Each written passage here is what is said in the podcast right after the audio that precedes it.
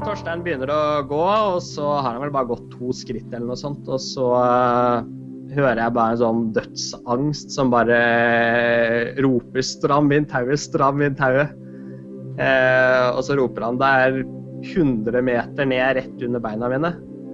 Uh, og da har, da har snøbrua kollapset under skiet hans, men han står på fremski og bakski. og så ser han bare rett ned i sprekken. Jeg ringte da politiet og fikk kontakt med de. Og de sa med en gang at dette uværet skulle holde på i 30 timer til. Eh, og da skjønte man at det blir å klare godt over én natt til ute i dette været, på en måte, eller så mange timer, da, det var urealistisk. Eh, så sammen med politiet da så fant man ut at de skulle starte en redningsaksjon med, eh, koordinert av Forsvaret. Da spiste jeg gjerne til lunsj 350 gram sjokolade, 400 gram eh, kjeks og 150 gram nøtter. Da. Eh, da snakker du litt over 3000 kalorier til lunsj om dagen.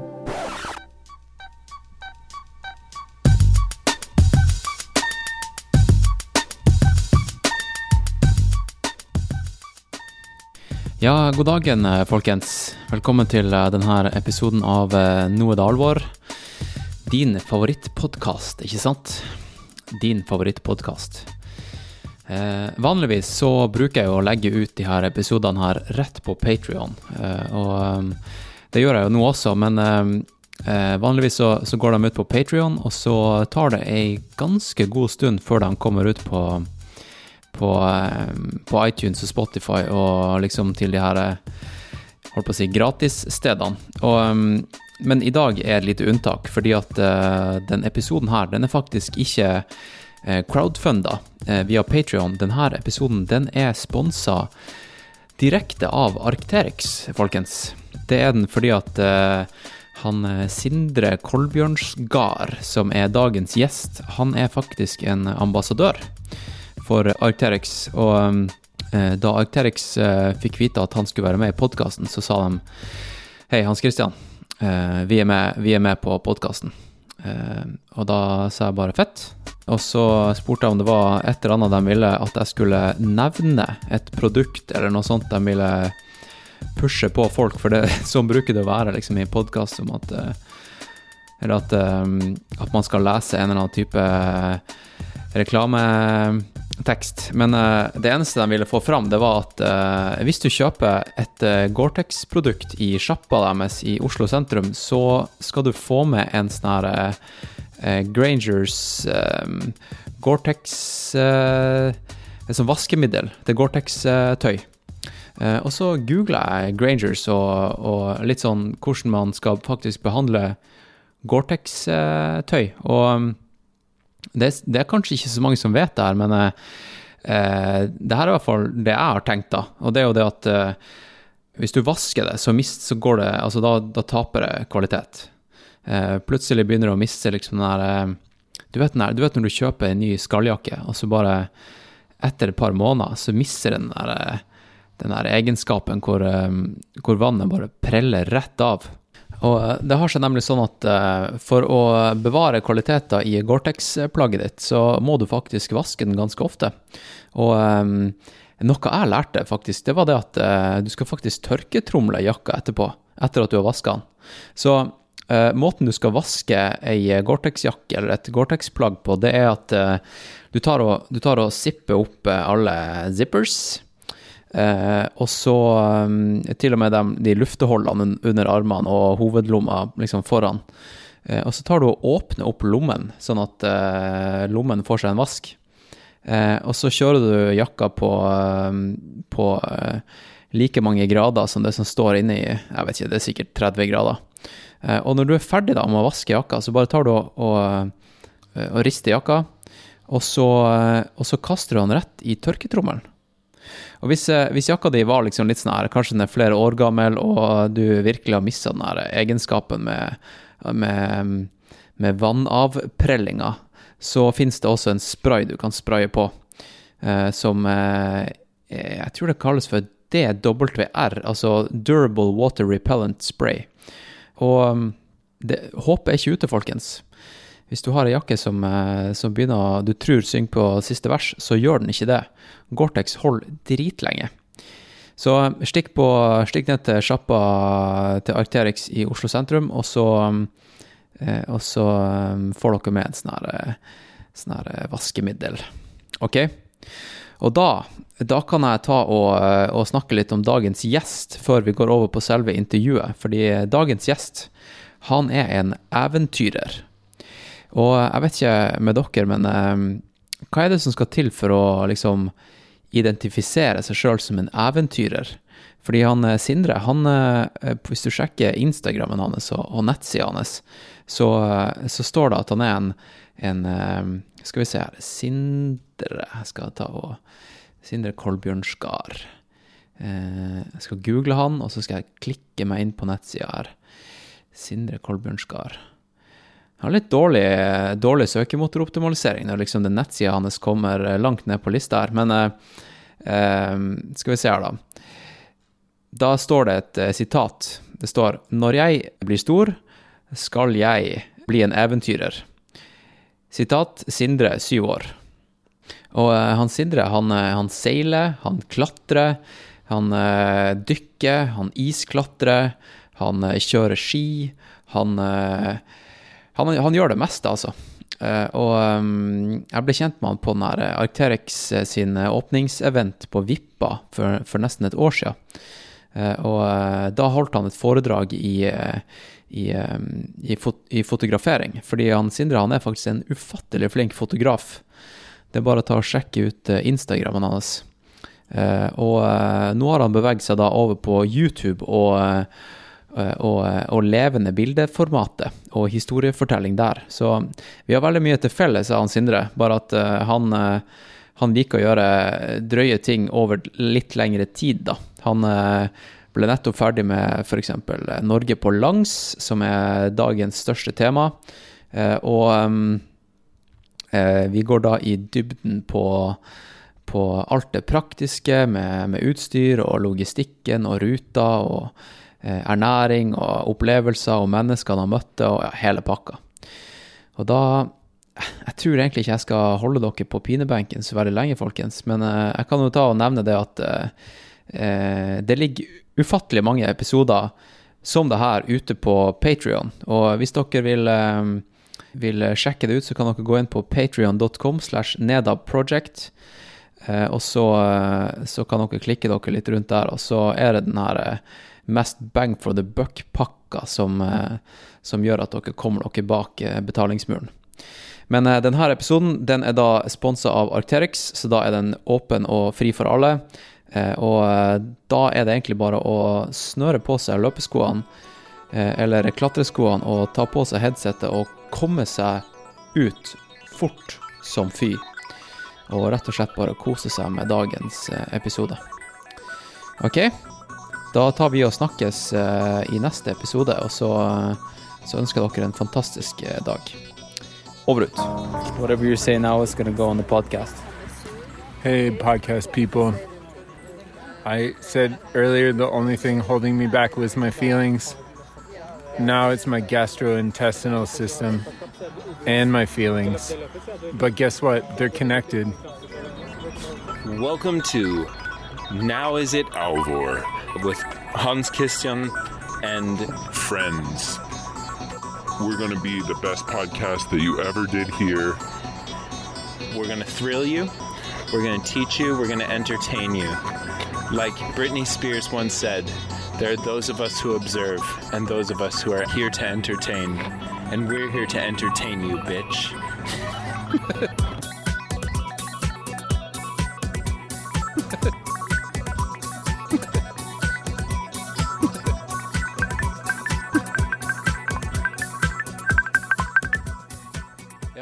Velkommen til podkasten, Sindre.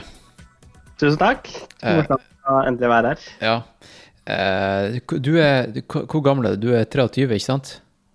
25 er jeg blitt nå. 25, ja, for på nettsida står det 23.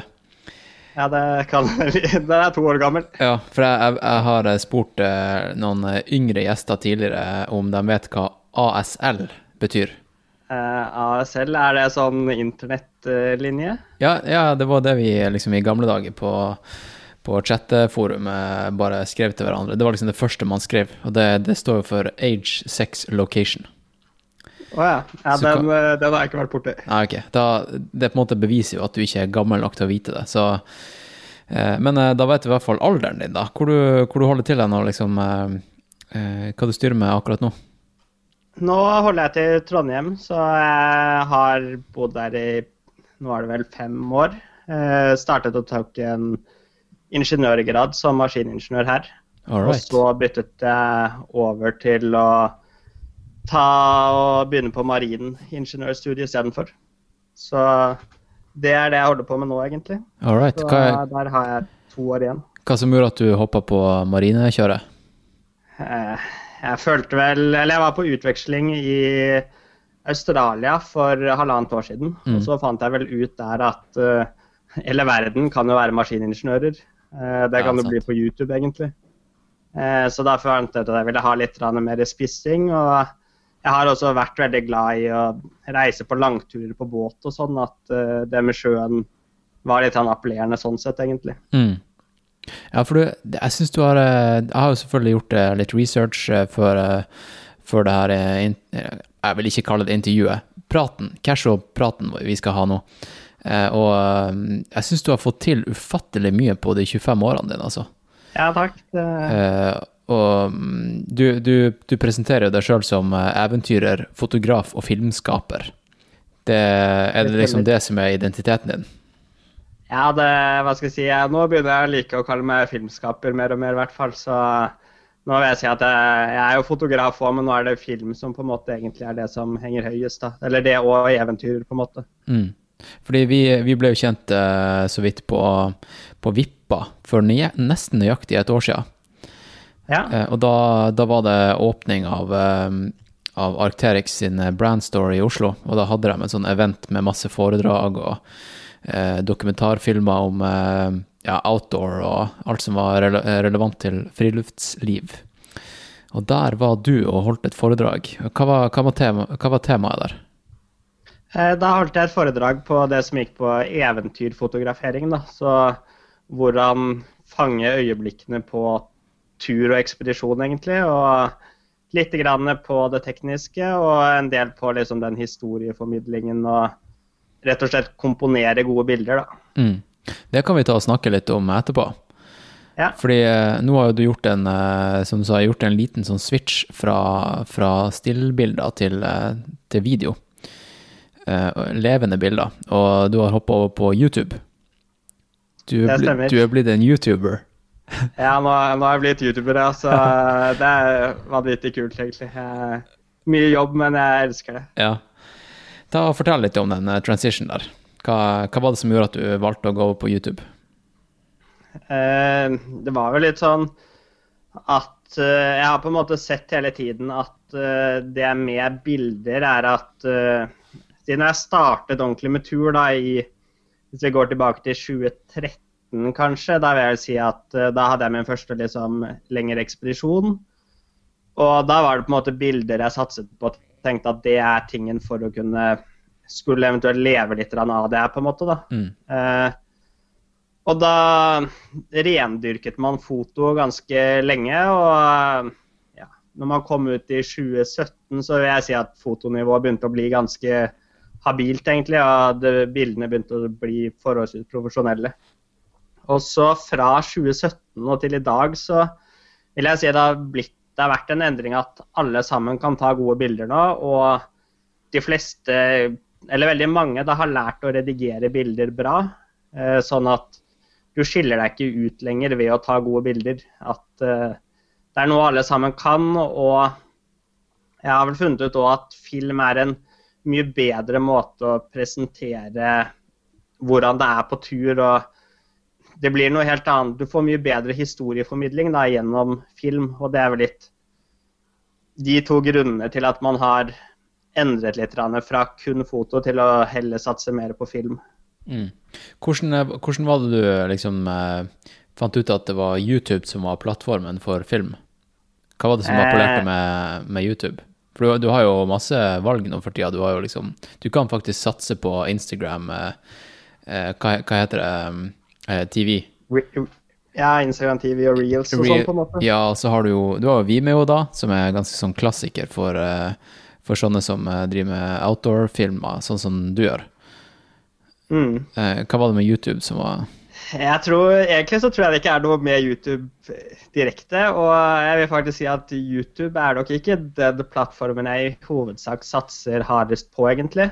Eh, Det, det YouTube på en måte har blitt for min del, er at eh, jeg ville heller vise litt mer rundt tur og kunne lære bort til folk. Og da, akkurat der syns jeg YouTube funker best. Det er verdens største søkemotor etter Google. Eh, Så det er jo vanvittig mange som er inne på, på YouTube bare for å lære seg ting. Eh, Mm. Så det helt på en måte potensialet sånn sett var litt av grunnen til at man startet Eller at det ble akkurat YouTube, da. For de første filmen jeg lagde, den gikk på Vimeo og ligger der fortsatt. Hva er det var slags eh, film? det er en film fra jeg krysset Island. Så det, det begynner å bli noen år siden. Så jeg sier at jeg skjemmes litt over å se filmen nå, på en måte, fordi man har utviklet seg så vanvittig mye. Men det er bare morsomt at den ligger der. Og i ny og ne så tikker det inn meldinger så folk, folk har sett filmen og vil på å gjennomføre samme turen. Ja, men sånn er det jo egentlig med alle type, Alle skapere. Eh, Skjemmes jo alltid av eh, sitt forrige skaperverk, holdt jeg på å si. Eh, Ja, Jeg skjemmes jo nesten av liksom gårsdagens podkast, ikke sant. Man, man er alltid så bra som sin siste skapelse. Ja absolutt. Eh, men, men la, oss, eh, la oss ta og, og backtracke litt, da. Uh, for du, du nevnte den ekspedisjonen, og, men liksom Hvordan var det det starta? Hvordan var det du fant ut at du ville bli en eventyrer? For det er jo en sånn identitetsgreie. Det er ikke så veldig mange som, som går rundt og liksom identifiserer seg som en eventyrer. Nei, det, det, jeg vil si at uh, jeg har hatt vondt for å kalle meg eventyrer i starten, i hvert fall. Uh, at uh, jeg føler I hvert fall da jeg var yngre, da var eventyrere det var de skikkelig store gutta. Det var de gamle polfarerne og sånn. De var eventyrere, på en måte. Mm. Og da følte jeg at jeg, er jo ikke, jeg var jo ikke i nærheten av der, så jeg kunne kanskje ikke kalle meg eventyrer likevel. Men sånn alt sammen startet, var egentlig Jeg gikk på barneskolen og var på foredrag med Børge Ausland. Og så Da var det faren til en kamerat som hadde leid inn han som foredragsholder. Og vi fikk lov å spise middag med Børge og resten av firmaet etterpå. Og da husker jeg det var veldig mange som gikk rundt der, og de, jeg de spesifikt kommenterte at Børge Ausland hadde visittkort hvor det sto 'Eventyret' på. Og det var liksom så sykt kult i forhold til hva disse topplederne hadde, da. Eh, og allerede der så husker jeg tenkte at når jeg da satt ved det middagsbordet, så tenkte jeg at jeg òg vil ha et sånn visittkort hvor det står 'eventyret' nede på liksom da jeg blir stor, egentlig. Mm. Eh, og på en måte vil jeg si at nesten det var der det kanskje startet at man ville bli eventyrer. Eh, og så var det vel et år eller to etterpå, så var det med en veldig god kamerat som heter Max, som jeg har seilt og vært mye på større, eller tidligere turer på, mye seilturer med. Eh, jeg gikk i, På barneskolen så gikk vi sammen på barneskole på Snarøya i Bærum. Og da hadde jeg lest i en bok fra Lars Monsen at hvis man skulle bli eventyrer, så måtte man virkelig ville det. Eh, og da husker jeg tok Max til side. Da gikk jeg vel i sjette klasse på barneskolen. Og så sa til henne at eh, det er noe jeg må fortelle deg, liksom. Og dette er viktig at det gjøres litt ordentlig, for det har jeg lest i Lars Monsen-boka. Så tok jeg det i hånda og så sa jeg at eh, jeg lover deg at jeg skal bli eventyrer. Og Du, du må gjenta, du må gjenta det der. er. Du må gjenta det. Det ble litt legg på linja. Du, du, du lovte han. Eh, Jeg lovte han at, at jeg skulle bli eventyr, og at jeg skulle gå Norge på langs. All right. Så det var, Så- der, det var der det starta. Det var der Norge på lang starta. Ja. Du har gjort mye mer før, altså før du starta Norge på langs-ekspedisjonen, da. Eh, Jeg bare var inne på den eh, eventyr-CV-en din, eller ekspedisjons-CV-en din. Mm. Og eh, det begynte vel eh, den største, den første største, liksom. Hva vil du si at, at, at det var? Var det at du kryssa Nord-Atlanteren? Jeg vil egentlig si at den største store var faktisk eh, krysse Finnmark fylke på ski. Mm. Eh, vinterstid, da gå fra helt syd i Finnmark til nord i Finnmark. Eh, og vi brukte Eller planen var å bruke tre uker på det. Eh, det var vel en snakk om en ja, 500 km. Eh, så det var nok der det startet, egentlig. Og eh, det var Til nå så vil jeg si at det er nesten en av de tøffeste turene jeg har vært på. Hva, hva, lærte du, hva lærte du der, da? Hvorfor var det, hvorfor var det så tøft? Nei, hva skal jeg si? Vi, vi startet og skulle krysse Finnmark fylke i februar-mars-skiftet. Så da er det kaldt, og det er mørkt, og det er mye dårlig vær i nord. Ja. Eh, og vi skulle krysse fra sør og egentlig komme oss opp til Nordkapp. Og så jobbet vi oss lenger og lenger nord. da, Vi begynte å passere Alta. Og da begynte uværene å komme inn. Eh, så vi hadde tre stormer på syv dager. Eh, og på storm nummer to, da, da blåste luftelukene av mitt eh, lite brukte toppmodell Hellsport-telt blåste revnet rett og slett fra teltet. Eh, for at været var så dårlig, og det var andre stormen. Og så gikk det to dager til. Ny storm, og da ble det full redningsaksjon. Såpass, ja. Så eh, det er kanskje det, det mest brutale jeg har vært borti. Og da For å ta liksom historien da med hvordan eh, hele redningsaksjonen foreløp, da, eh, så begynte vi å pushe på. Vi var ja, vi hadde én dagsetappe til Nordkapptunnelen. Så, du, så langt nord du kommer, på en måte, og alt uvær rett inn. Mm. Eh, og da kom det inn et polart lavtrykk som man da ikke klarer å melde. Og vi ble overrasket av dårlig vær og fant ut at vi Til slutt så holdt vi vel en 30 Mellom 25 og 30 km på ski med på da slak oppoverbakke på ski med langfeller og 30 kilos pulke bak oss. Bare på hva skal jeg si, vindfang fra jakka. Å, dæven. Eh, og så eh, økte vinden litt mer, og da blåste det så mye at vi klarte ikke å, vi klarte ikke å holde pulkene liksom fast etter bakken, sånn at vi kunne ha riktig retning da, eh, nordover. Ja, hva gjorde dere da? Eller, eh, da begynte vi å grave oss ned. Eh, så vi var oppå et helt flatt parti, eh, og det var for mye vind til at man kunne sette opp et telt. Det skjønte vi ganske raskt. Og så fant vi ut at da er det bare å grave seg ned. Og eh, den måten man graver seg ned på, er at du graver en snøhule på flatmark. Og under gode omstendigheter så er da hadde jeg trent på det her sammen med de gutta jeg var sammen med, og vi kunne grave en sånn på et kvarters tid da, i godvær. Eh, her sto vi i tre timer, og når vi var ferdige etter tre timer, så var det, var, var det bare plass til to av tre stykker. Eh, så eh, da var det en av oss som, måtte, som ikke fikk plass. Og eh, jeg var sistemann inn i hula, så da måtte man finne på andre løsninger. Eh, men da var alle sammen så kalde og gjennomvåte, eh, for temperaturen hadde ligget på ca. 1 plussgrad, og det Mm. blåste 33 meter i sekundet var målt ikke langt unna. Eh, så orkan. Eh, og med 1 plussgrad og alt sammen blir helt gjennomvått. Eh, jeg hadde det beste utstyret samme de brukte på Sydpolen, Nordpolen, Grønland for så vidt. Mm. Alt var gjennomvått, og til slutt så sto man bare og ristet, og jeg tok meg selv i at jeg hadde buksen stående på knærne. Eh, og da, da går det opp for deg at Eller når jeg så det, da, og jeg ikke hadde merka det sjøl egentlig før jeg så det, da var det sånn greit, nå er du litt ute å kjøre her, Sindre. Nå, nå begynner det å bli kritisk. Eh, og så fikk jeg bare plugga fast teltet langs etter bakken, så jeg kunne krype inn i innerteltet og ligge inni et inneblåst telt. da, eh, Og fikk ringt politiet via satellittelefon. Eh, og da lå man inne i det teltet her og rista som en gjerning helt ukontrollert. Eh, Var det liksom, Da- Trodde du at du skulle dø, da? eh, der slo tanken meg. Det er Ja. eneste gangen jeg har trodd at uh, er det her slutten, på en måte. Uh, og så gikk det litt tid, da. Så følte jeg sånn ja, Dette her er ikke min dag. Jeg føler at jeg har, det er en annen dag som jeg står mitt navn på, liksom.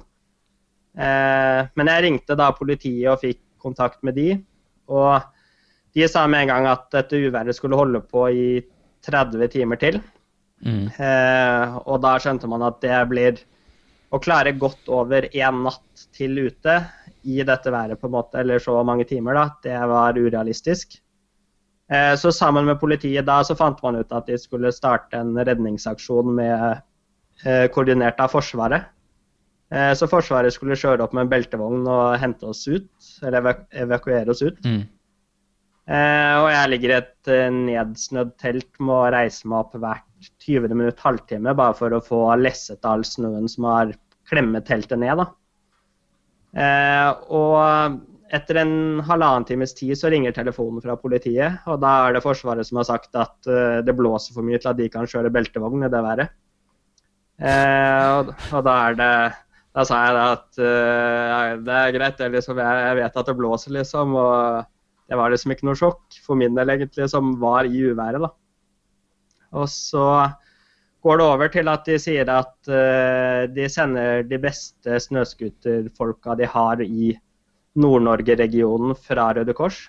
Så de brukte tre timer til å komme seg på en parkeringsplass så nærme de kunne der det var åpen vei fortsatt. Eh, og da var det tre mann da, som skulle kjøre full fart inn på snøscooter, hente oss ut og raskt ut igjen. Eh, og etter de har kjørt tre timer i bil, og så hadde det gått en time til ca., så da hadde du ligget fire timer og ventet. da. Eh, så får jeg en ny telefon fra politiet i Finnmark som sier at alle Røde Kors-personellet sitter inne i bilene, men de kommer seg ikke ut av bilene sine. Eh, fordi det blåser så mye at de, de, kan ikke gå ut av bilene, rett og slett. Da er det kritisk? Eh, ja, da er det ganske kritisk, liksom. Eh, og da sa han at eh, Så da sa jeg til politiet greit, hva, hva, gjør vi da, på en måte? Og da var siste, siste muligheten var at de kunne prøve å sende Sea Kingen. Eh, og da satt hele personellet i Sea Kingen klar, og de var brifa på situasjonen. Og så Da sa jeg at eh, Sea Kingen er her på si det var en halvtime, da. Uh, og da ble man enige om at Jeg følte at å bli hentet ut med Sea King, det var da skulle jeg være nærme døden. At en av oss mm. kom til å omkomme innen to timer. liksom. Da var det greit å bli hentet ut av Sea Kingen. Mm. Uh, så vi ble enige om at vi da skulle krige litt til, og så se hvor lenge vi klarte å stå det av. Eh, og så plutselig da så ringer telefonen en to timer etterpå, kanskje. Og da var det Røde Kors som var ute og lette etter oss og ba meg gå ut og lyse med en lommelykt. Eh, så jeg krabber ut av teltet, og da er det ikke et vindpust, stjerneklart og nordlys. Eh, så da alt sammen blåste over da på Det tok ikke da noen og 30 timer som først var antatt, men det var over på tolv timer eller noe sånt, tror jeg. Mm. mm. Eh, så da, da, kom Røde Kors, og så ble vi da enige med Røde Kors at vi klarer å spjelke sammen alt av teltstenger, og de våte soveposene skal vi klare å berge en natt med ved å bare fyre hele natta. Og så komme oss ut for egen maskin dagen etterpå.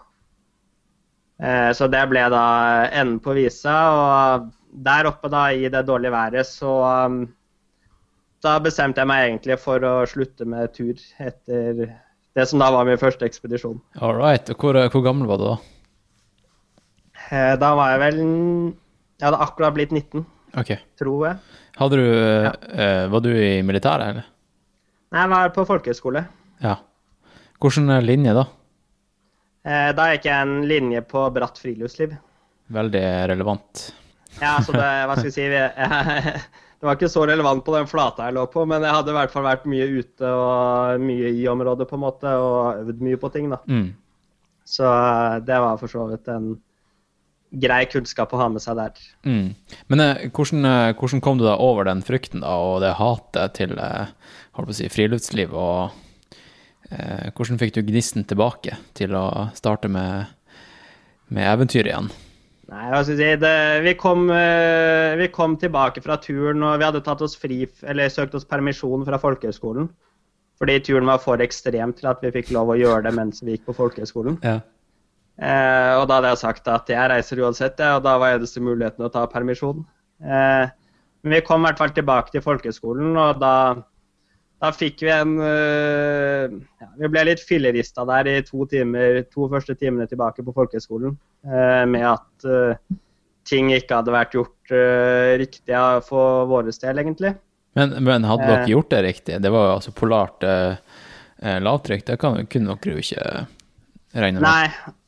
Og eh, jeg mener at vi hadde gjort alt riktig, på en måte. Og vi òg, på en måte, når alt sammen skjedde, så var vi veldig nøye på å ikke si fra til Redningsselskapet at vi gikk på folkehøyskole eller noen ting. Da var vi 100% utenfor, så folkehøyskolen skulle ikke ha noe med det å gjøre, da. Mm. Eh, men da fikk man i hvert fall to timer med ganske skyllebøtte, og eh, vi ble ganske fillerista. Vi hadde ikke rukket å dusje eller noe sånt, så det var Da var vi såpass nedbrutt, hele gjengen, etter den hendelsen at uh, vi burde nok heller hatt en krisepsykolog, tror jeg, enn å ha fått en, uh, fått en skyllebøtte.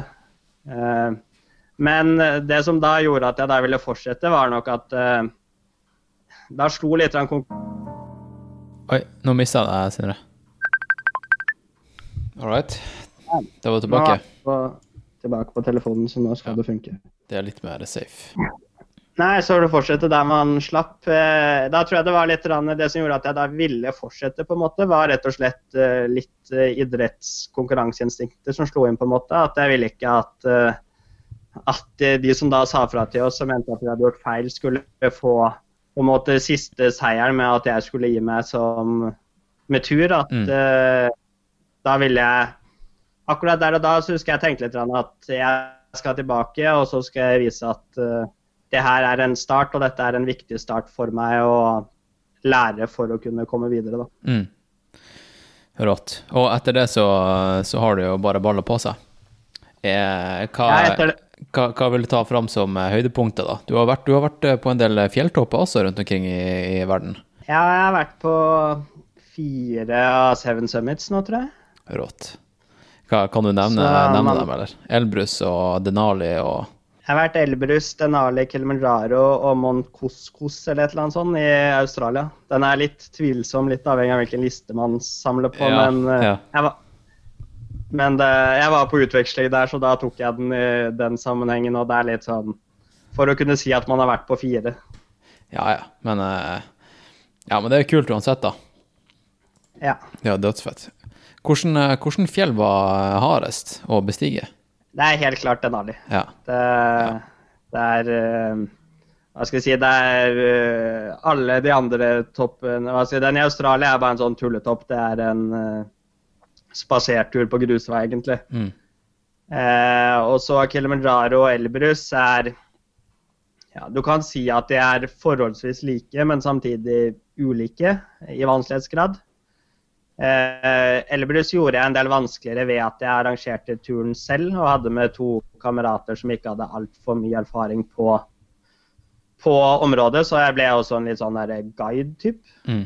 Eh, og så sov vi telt eh, på Elbrus, Og det På hytter, og så kjører du opp med en beltevogn til 5000 meter på toppdagen. Ok. Eh, mens, når du, mens når du bor i telt, da, så bodde vi på 4003 og måtte leve med det kjipe været som kom der. Eh, og på toppdagen da så måtte vi gå opp til 5000 meter før vi da var på samme nivå som de andre. Så vi fikk da et toppstøt som var over dobbelt så langt i antall høydemeter. Eh, men de to toppene der er i hvert fall rimelig like, vil jeg si, i vanskelighetsgrad, Mm. egentlig. Mm. Det, det, det handler også om å komme seg dit. Altså, Denali er jo liksom på Alaska. Ja. Eh, Denali er, eh, det er en helt annen liga på absolutt alt. Eh, på liksom folkemunne så blir det kaldt litt for verdens kaldeste fjell. Det er målt vinterstid, så man skal ta det med en klype salt. Men det er et vanvittig kaldt fjell, og det er, det er vel et av de eneste sånn høye fjellene hvor du kjører toppstøt ikke midt på natta. Eh, fordi det rett og slett er for kaldt til å kjøre toppstøtet da. All right. Eh, Denali, Denali òg, så blir du flydd inn. Så vi, du booker et sånn lite fly hvor vi var Det var jeg og en kompis jeg gikk sammen med, som reiste inn dit.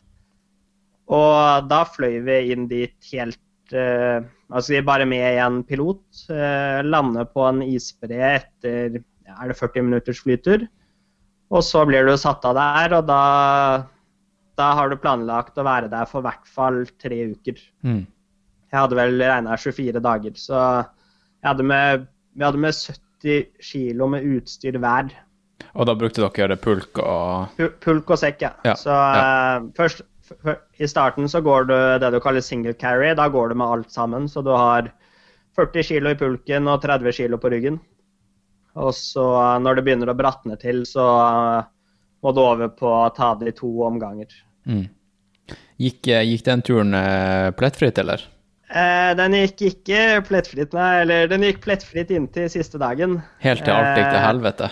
Ja, da, da gikk vi på en smell, på en måte. Og det som var med Denali, det er at det er en veldig krevende tur, og det er vanskelig å få med folk som har Som både har kompetansen og gidder å være med på en sånn tur. Mm. Eh, Så jeg hadde fått med meg en, en fyr jeg hadde møtt i Jotunheimen, snakket med 15 minutter en sen påskekveld mellom to DNT-hytter. Og så tenkte jeg bare at han har peiling på hva han holder på med, og la han til på Facebook da. Og halvannet år etterpå så sendte jeg melding du er ikke gira på å være med og prøve å bestige Denali. Så vi treftes en uke før vi skulle reise, første gang sånn etter de her 15 minuttene med snakk. Og da sto vi i Høgskoleparken i Trondheim, og jeg prøvde å lære av hvordan han skulle heise meg opp over en bresprekk hvis jeg datt i den. Eh, fordi at han hadde aldri gått noe på bre eller noen sånne ting før, og hadde egentlig ingen ekspedisjonserfaring. Eh, så du kan si at utgangspunktet var eh, Det var vågalt å, å dra med seg en sånn som du ikke visste hvordan, hvordan det kom til å gå sosialt, og hvis Ja, ikke ikke Det hvordan jo- han var Ja.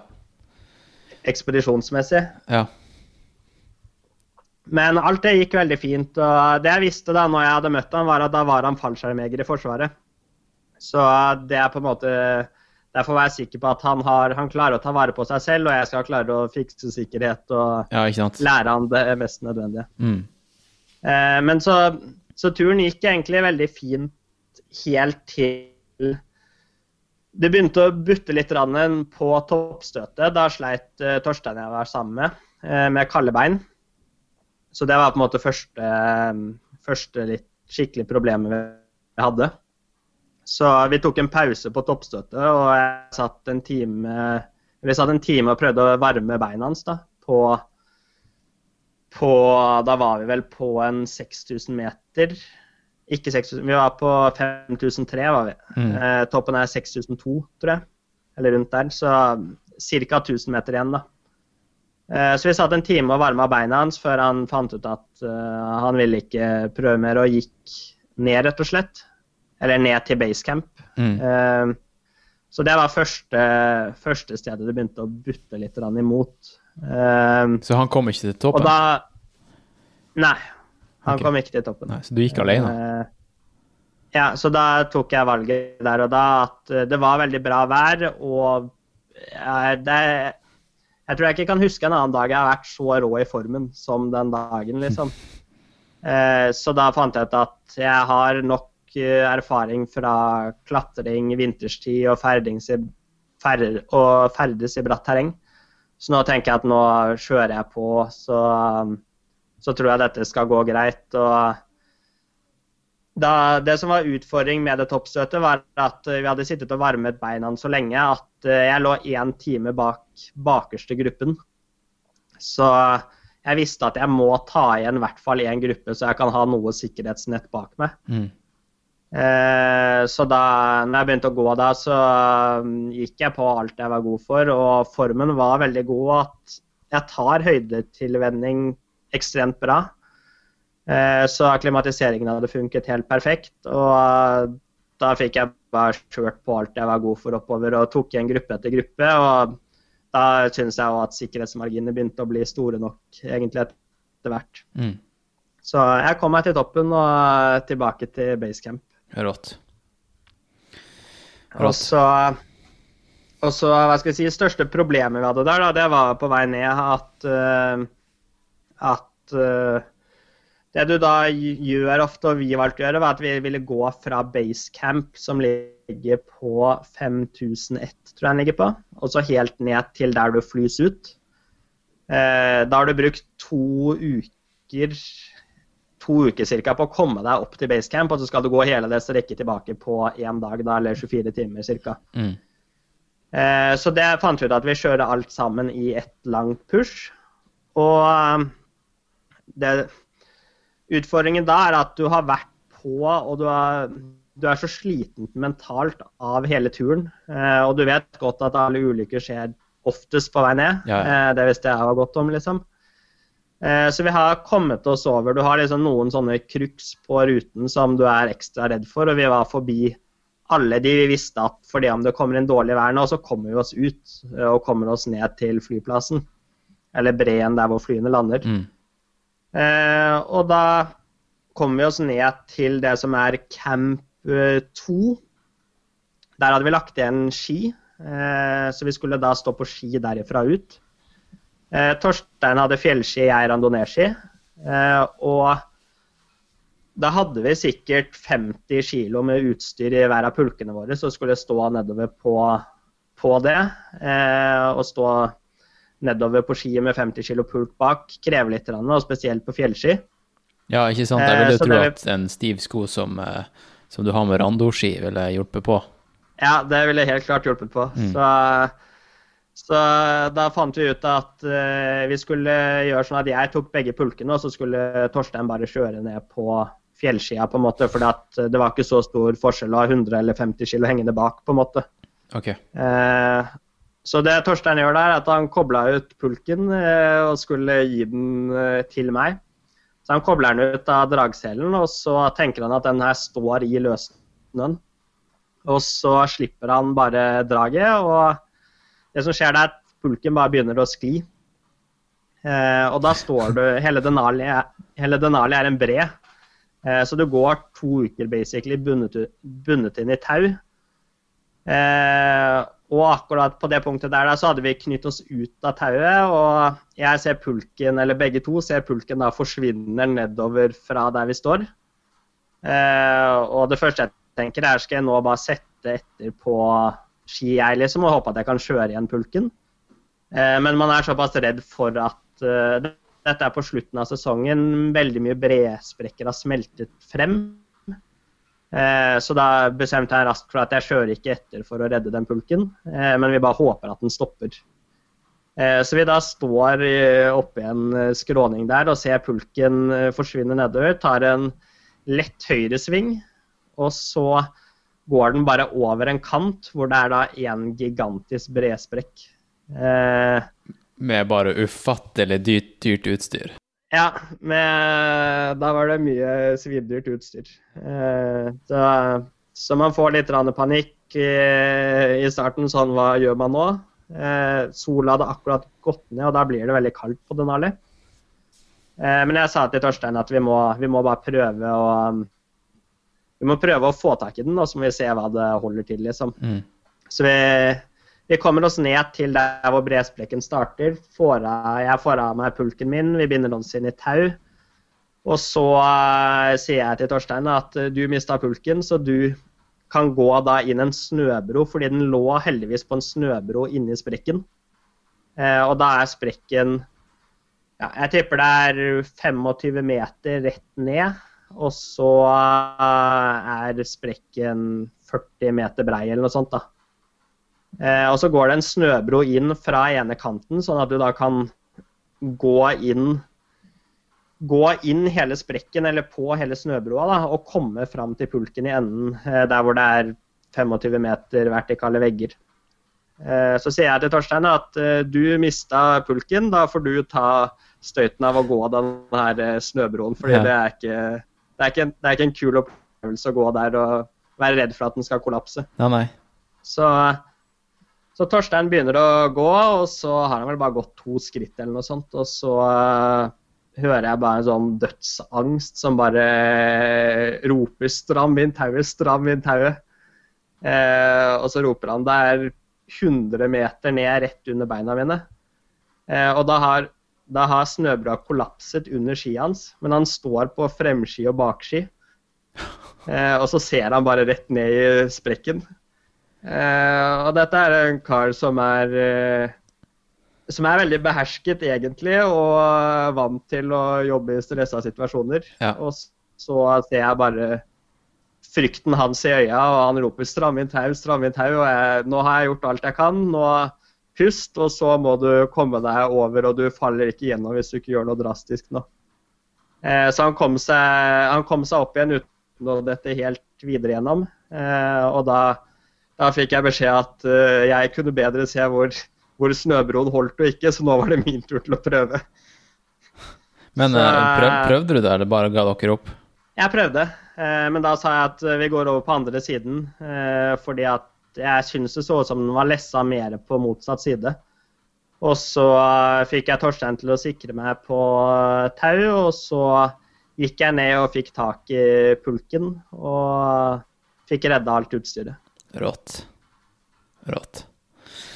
Ja, sparte du de pengene? Ja, altså, det, det var godt.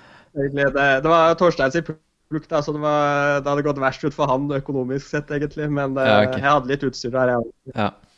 Men du, eh, bare for å liksom segwaye over til eh, Vi skal jo over på Norge på langs-opplegget, som, du- som du nettopp eh, gjennomførte. Men liksom hvordan, hvordan planlegger du sånne her ekspedisjoner? For det, det tror jeg jeg vet litt om. eh, At jeg hadde sett litt sånn på YouTube-kanalen din om at du, du har litt sånn samme metodikk i forkant av alle ekspedisjonene dine. De involverer noen Excel-ark og sånt. Hva, hva du gjør, liksom? Jeg har eh, si, sånn Tidligere, da har man Hvis man tar det første ekspedisjonen min gjennom Finnmark, da gikk man veldig blindt inn i alt sammen. Man prøvde å lese alt man kunne, og prøve å samle trådene uten at det gikk eh, Uten at man egentlig får samla de så godt, på en måte. Eh, nå har man vært på så mye turer, og det jeg er veldig nøye på etter en, en tur, det er å skrive skrive på en måte tilbakemeldingsrapport til meg selv, rett og slett, på hvordan utstyr funker, hvordan utstyr funker ikke. Eh, hvor langt klarte man å gå eh, på F.eks. på Norge på langs, er hvor langt kunne jeg regne med å gå i luftlinje? Hvor langt eh, Hvor mange doruller bruker du per åttende dag, på en måte, eller hver uke? Hvor mange gassbokser trenger du? Sånne ting. Eh, så skriver ned da absolutt alt av rene sånn harde data som jeg har fra en tur. Og så, når jeg da skal planlegge en ny tur, så går jeg bare tilbake og så leser jeg gjennom da hva var det som funket på den turen. Og gitt at turene har en overføringsverdi, så er det veldig greit å bare ta valgene basert på hva jeg vet har funket tidligere. Mm. Eh, og da er det på en måte sånn Typisk med Norge på langs, da, det er, det er en veldig sånn Jeg sier at Norge på langs er bare utfordrende pga. logistikken, egentlig. Det er et logistikkproblem, og det er en av store utfordringene med planleggingen der. Eh, men da hadde jeg krysset Norge på tvers alene eh, tidligere. Og det er en tur på 600, ja, litt over 600 km. Ja, hvor, du, Eh, så- hvor, hvor Den gjorde du den turen? Hvor, for det finnes jo flere ruter. Ja. Så jeg krysset fra Femundsmarka over til Vestkapp. Hvor er, hvor er Vestkapp? Vestkapp det blir eh, rett ut fra ja, rett ut fra Stryn og sånn, da. Ja, nettopp, ja. Eller rett vest, rett vest for Jotunheimen, på en måte. Du Ja, krysser ja. rett på oversiden av Jotunheimen. Ja. Fett. Og, Så, eh, ja, så du Selvfølgelig var det jo mye overførings... Eh, eh, altså ting du kunne dra med deg av erfaringer fra den ekspedisjonen til, eh, til det her, da. Mm. Var det nesten bare copy-paste, eller? Ja, jeg vil si det, det var mye copy-paste, egentlig. Eh, på Eller det er copy-paste på alt som funker. Og så det som eventuelt ikke funket så bra, det måtte man komme litt eh, opp på nytt med, egentlig. Og, og i den Norge på langs-fasen, da, da jeg merker det veldig med min tilvenning til turplanlegging, er nok veldig preget av at jeg har studert ingeniør en stund da, og at man blir veldig analytisk i tilvenningen Mm. at uh, jeg hadde f.eks. et problem som gikk på hvordan skal man få ladet utstyr. Og Da endte jeg med å finne ut at det beste for å få lade utstyr, det var å ha powerbank, f.eks. Og da Istedenfor å kjøpe en uh, hvilken som helst powerbank, så var det liksom å se hvor mye strøm trenger man, eller hvor mye strøm trenger hver ting jeg har med. Og så dele vekten på powerbank på litt ladetid på en del faktorer jeg mente var viktig, og så få liksom et uh, helt analytisk tilvenning på hva som er det beste av utstyret, egentlig. Mm. Du, liksom, du studerte å bli ingeniør, men når du er såpass gira på, på friluftsliv og ekspedisjoner og sånne, sånne, eventyr som her, hvorfor gjør du ikke det til yrket ditt? Eh, det er et uh, godt spørsmål. Og, uh, hva skal jeg si Tidligere så vil jeg si at det har uh, Man har aldri vært på et punkt der man kan ta det 100 til å leve av det. på en måte. Eller man, har, man føler man ikke har vært langt nok i prosessen. Eh, men nå vil jeg si at nå har man begynt å komme såpass langt at, eh, at nå kriger jeg litt for å klare å fullføre og få en grad så jeg har noe å falle tilbake på, tenker jeg. Ja, sant. Eh, og så Det er sånn det blir. Og så har ja, og så har jeg også nå gått over til å gå litt redusert. så jeg, Istedenfor å ta fire fag, så tar jeg tre fag. Og så bruker jeg da eh, mer tid på turplanlegging og hva skal jeg si, drive det eventyrselskapet, eller hva du skal kalle det. da, eh, Og jobbe som eventyrer. Mm. Fordi, Så, fordi, komboen med, med, med planlegging av eh, Norge på langs, du hadde tre uker på deg. Det var ganske litt sånn rusha opplegg. Og i løpet av de tre ukene så hadde du også tre eksamener. Hvordan, eh, hvordan forklarer du, eller hvordan gikk det? Ja, det stemmer. At uh, Norge på lang så var det en superspontan tur, men det var litt derfor jeg også syntes det var interessant å gjøre det. Uh, var at uh, jeg ville gjøre det vanskelig nok for meg selv til at det ikke var noe automatikk at Eller at jeg hadde nok usikkerhetsfaktor til at jeg syntes det var en god utfordring, da. Mm. så jeg tok og bestemte meg tre uker før, og da hadde jeg også tre store eksamener på ingeniørstudiet som skulle gjøres parallelt, da. Mm. Og eh, det Til en viss grad så vil jeg ikke anbefale noen å gjøre det samme, egentlig. At uh, man merket veldig godt på slutten at uh, du er nesten Du går på en sånn knivsegg der i en måneds tid uh, med så mye jobbing at du, du står opp vanvittig tidlig, og så jobber du gjerne med eventyrprosjekt to timer på start av dagen, og så er det eksamenslesning til seks eller åtte om kvelden, og så er det åtte til elleve, kanskje. Da må du fortsette å planlegge tur. Og ingen eh, fysisk eh, og sånn trening? Du må jo være i shape. Nei, da Ja, det, det, det, er jo det du burde gjøre, på en måte. Men ja. det, det, har man nesten ikke tid til, liksom. Så det blir en og annen løpetur, men that's it. Ja. Men OK, så, så hvordan var det du på en måte tegna opp ruta. Jeg, jeg, vet veldig lite om liksom eh, eh, tradisjonen med å gå Norge på langs. Eh, er det en gitt rute, eller tok du det litt mer sånn eh, tilfeldig? Eh, hva skal jeg si, Akkurat om eh, tradisjoner på Norge på langs der er jeg nok ikke riktig til å spørre. Men det jeg i hvert fall har lært da når jeg har gått det, er at måten jeg gjorde det på, var at jeg bestemte meg for ikke se på noen andres tur. Jeg skulle sette opp turen 100% selv. Ah, fett. Og jeg skulle bare jeg skulle finne Jeg skulle se på kartet, og så skulle jeg si at her er det best å gå på kartet. Og da, da går jeg der, på en måte. Og, har, har, du sammenligna den ruta du gikk med, med, andre som har gjort den før deg? og sånt? Ja, nå i ettertid så har jeg sammenlignet litt. Og eh, hva skal jeg si Når man kommer opp til eh, Fra Lindesnes til til Røros så har jeg nok en ganske egen rute. Og så fra Røros opp til et sted som heter Lierne i Nord-Trøndelag. Mm. Så har jeg også en ganske egen rute, og derifra så har du ikke så mye rutevalg videre nordover, på en måte. At det, eh, er kanskje bare én sti som går nordover, da, egentlig. Eh, men på den sørlige delen så har jeg nok en veldig Da har jeg min egen rute, ja, for å si det sånn. Right. Så, så hva, hva, var det som gjorde at du valgte den ruta du gikk, da, og hvor gikk ruta? Har du den foran deg, eller? Eh, jeg, har, jeg, har, den ikke foran meg, men jeg har den i huet. Ja, ja, ja, ja. ja at, så, sånn det starter, da, er at uansett så må du Du må nesten gå på asfalt i starten. Eh, så da har du en strekke fra Lindesnes til et sted som heter Ljosland. Mm. Eh, det er vel 120 km på asfalt. Eh, og da er det bare med å bli, få unna det raskest mulig, egentlig. Og det er et strekke veldig mange er redde for å gå på seg skader. da Mange blir litt overivrige i starten og går på seg skader på Det strekket. det, er kjipt. Det er første strekket å bli skada. Ja, så eh, dit på en måte er det Der er det plankekjøring, egentlig. Eh, sånn gåmessig og rutevalg. Du har ikke, har ikke så mye valg, og det er bare å kjøre på, egentlig. Ja, du kom deg skadefri Eh, men så kom eh, Ja, eller jeg dro på meg en uh, matforgiftning på dag to. Eh, så da lå jeg to dager Eller en hel kveld med oppkast i seks timer i strekk, og så to dager som ble veldig amputert. All right. Var det selv, selvforskyldt eh, matforgiftning, eller hva Ja, spiste da- du på en eh, På en Jeg vet ikke. En 7-Eleven? Nei, det var, jeg hadde hatt noe skolebrød liggende litt for lenge i en altfor varm sekk, så det var det var, var en dårlig kombo der. og hva skal jeg si, På det strekket også, da, så hadde jeg droppet telt for å være lettest mulig og bare kjøre fart, egentlig.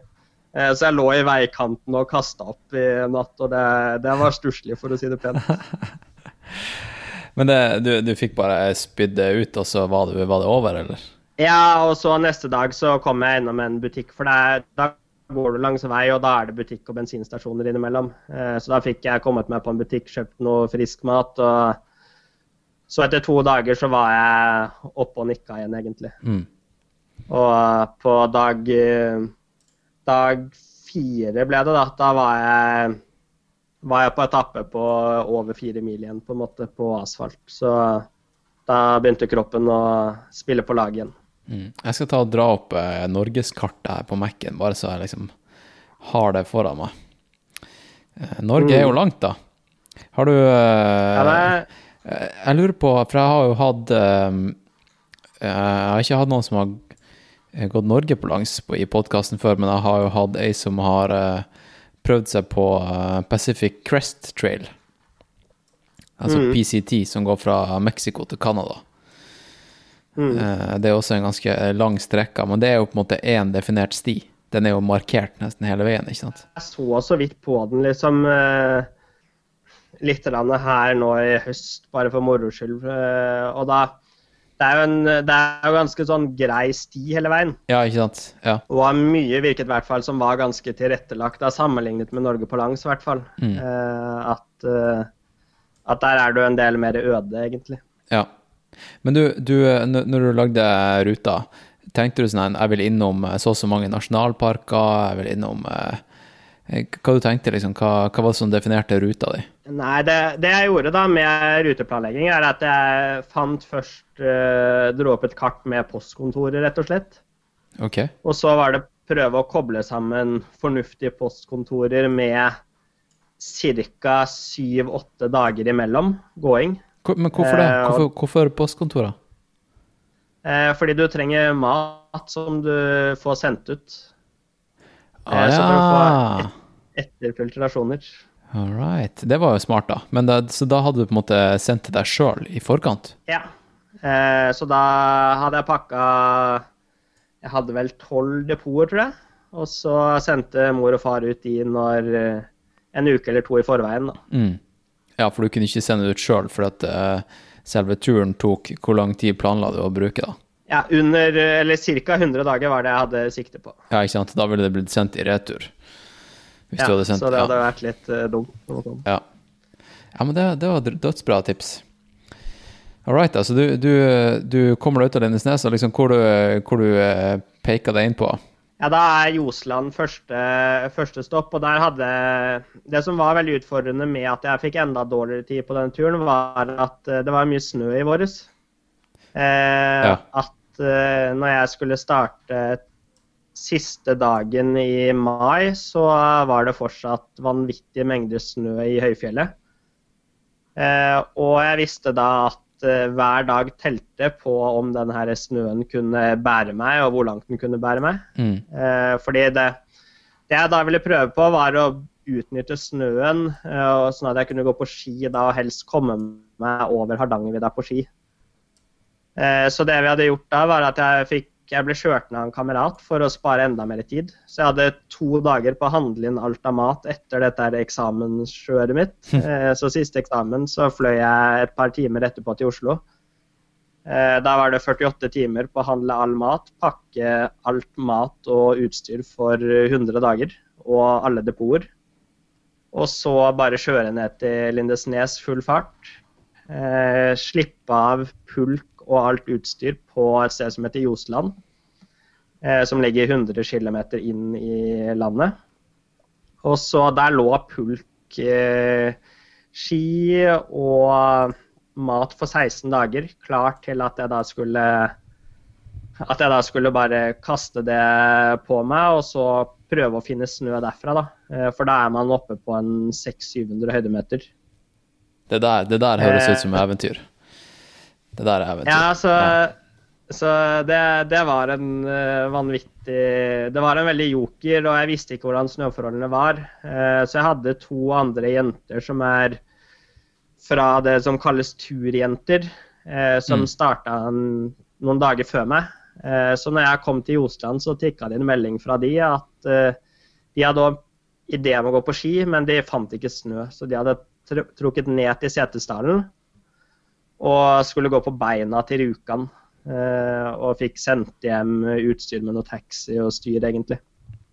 Og da var det også det var et par andre grupper som var ute og gikk Norge på langs samme tiden. Eh, og de hadde valgt å ikke gå på ski, så det var rett og slett ingen som hadde kommet seg på ski den, i dette her eh, tidsrommet. Mm.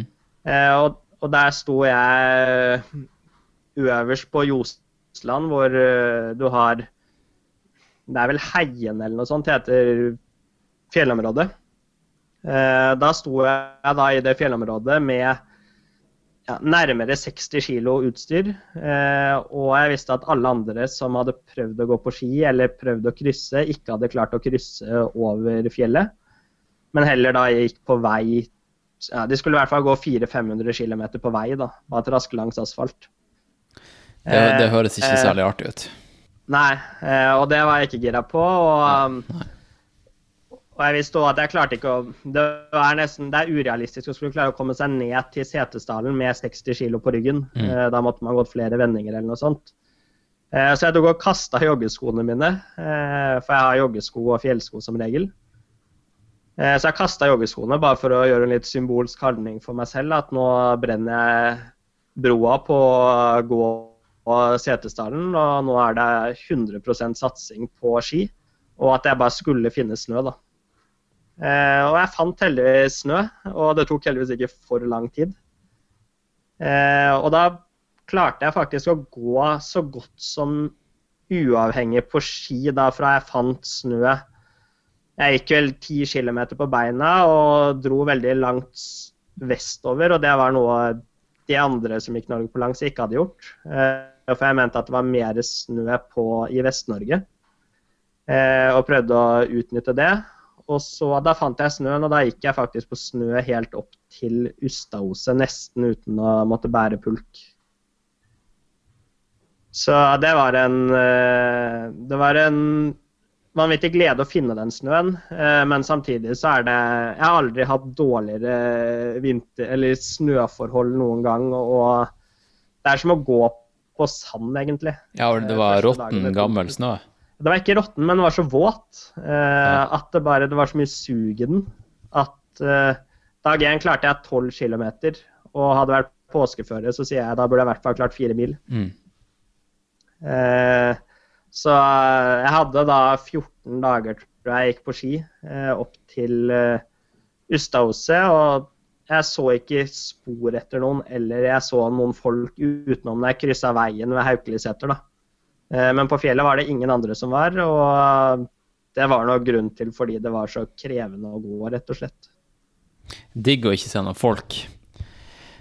Ja, det, så jeg trivdes, jeg, for så vidt. Ja. Det, det, var morsomt. Du trives alene, eller? Ja, jeg, jeg, Nå er jeg vanvittig glad i det, å være på tur alene og jeg har det bare veldig fint egentlig, og tilfreds på å henge med meg selv og egne tanker og ingenting som forstyrrer og sånn. Så jeg, det er et liv jeg, jeg har blitt veldig glad i, og spesielt nå etter Norge på langs. Eh, Hørte du på noe podkast eller lydbøker eller musikk eller noe sånt? Eller var du bare helt i for deg sjøl? Nei, jeg hører en del på uh, musikk, egentlig. Har jeg hørt litt på. Men musikk går det fort litt lei av. Det blir litt sånn synonymt. Eller ikke synonymt, men at det blir veldig monotont. Monotont, ja. Med Ja. eh, at det blir på en måte Ja, det, det blir for likt, rett og slett. Eh, så tidligere så har jeg hørt veldig mye på podkast. men på Norge på langs nå så hadde jeg gått i innkjøp av alle lydboktjenester du kunne komme over. Ok. Eh, så da det gikk vanvittig mye lydbokhøring, egentlig. Er det en bok du husker spesielt godt, eller? Ikke bare pga. innholdet, men også på en måte på, på grunn av kombinasjonen med, med noe som skjedde på, på, på turen? Ja, ja, eller sånn, jeg husker egentlig veldig mange av bøkene, men jeg hadde et morsomt uh, greie med at jeg hørte en bok som het uh, 21 ting om det 21. århundre. Uh, og da fikk jeg spørsmål etterpå at hva syns jeg var Eller hva husket jeg fra boken? da, Det var godt over en måned etterpå. Og da Mm. kunne jeg gjenfortelle nesten hele boken basert på at jeg kunne huske hvor jeg hvordan terrenget var når jeg gikk og hørte på den. på en måte, Ja, Så jeg kunne, liksom, jeg kunne gå gjennom boken i, i der jeg hadde gått. da. Eh, så det er kanskje et sånn morsomt greie at jeg, i dag òg kan jeg huske hvilke, hvilke kapitler jeg hørte hvor, liksom, og om det sto ryper rundt uh, på de forskjellige setningene, nesten, egentlig. Men det er jo kanskje litt sånn studiehack, altså når du skal lese til eksamen. Få Ja, ta, det- bare det- gå mens du eventuelt leser eller hører lydbok av eh, Ja, jeg tror det hadde funka bra. det egentlig. Så jeg bruker den studieteknikken en del når jeg øver, på en måte, men her kom det jo helt underbevisst inn.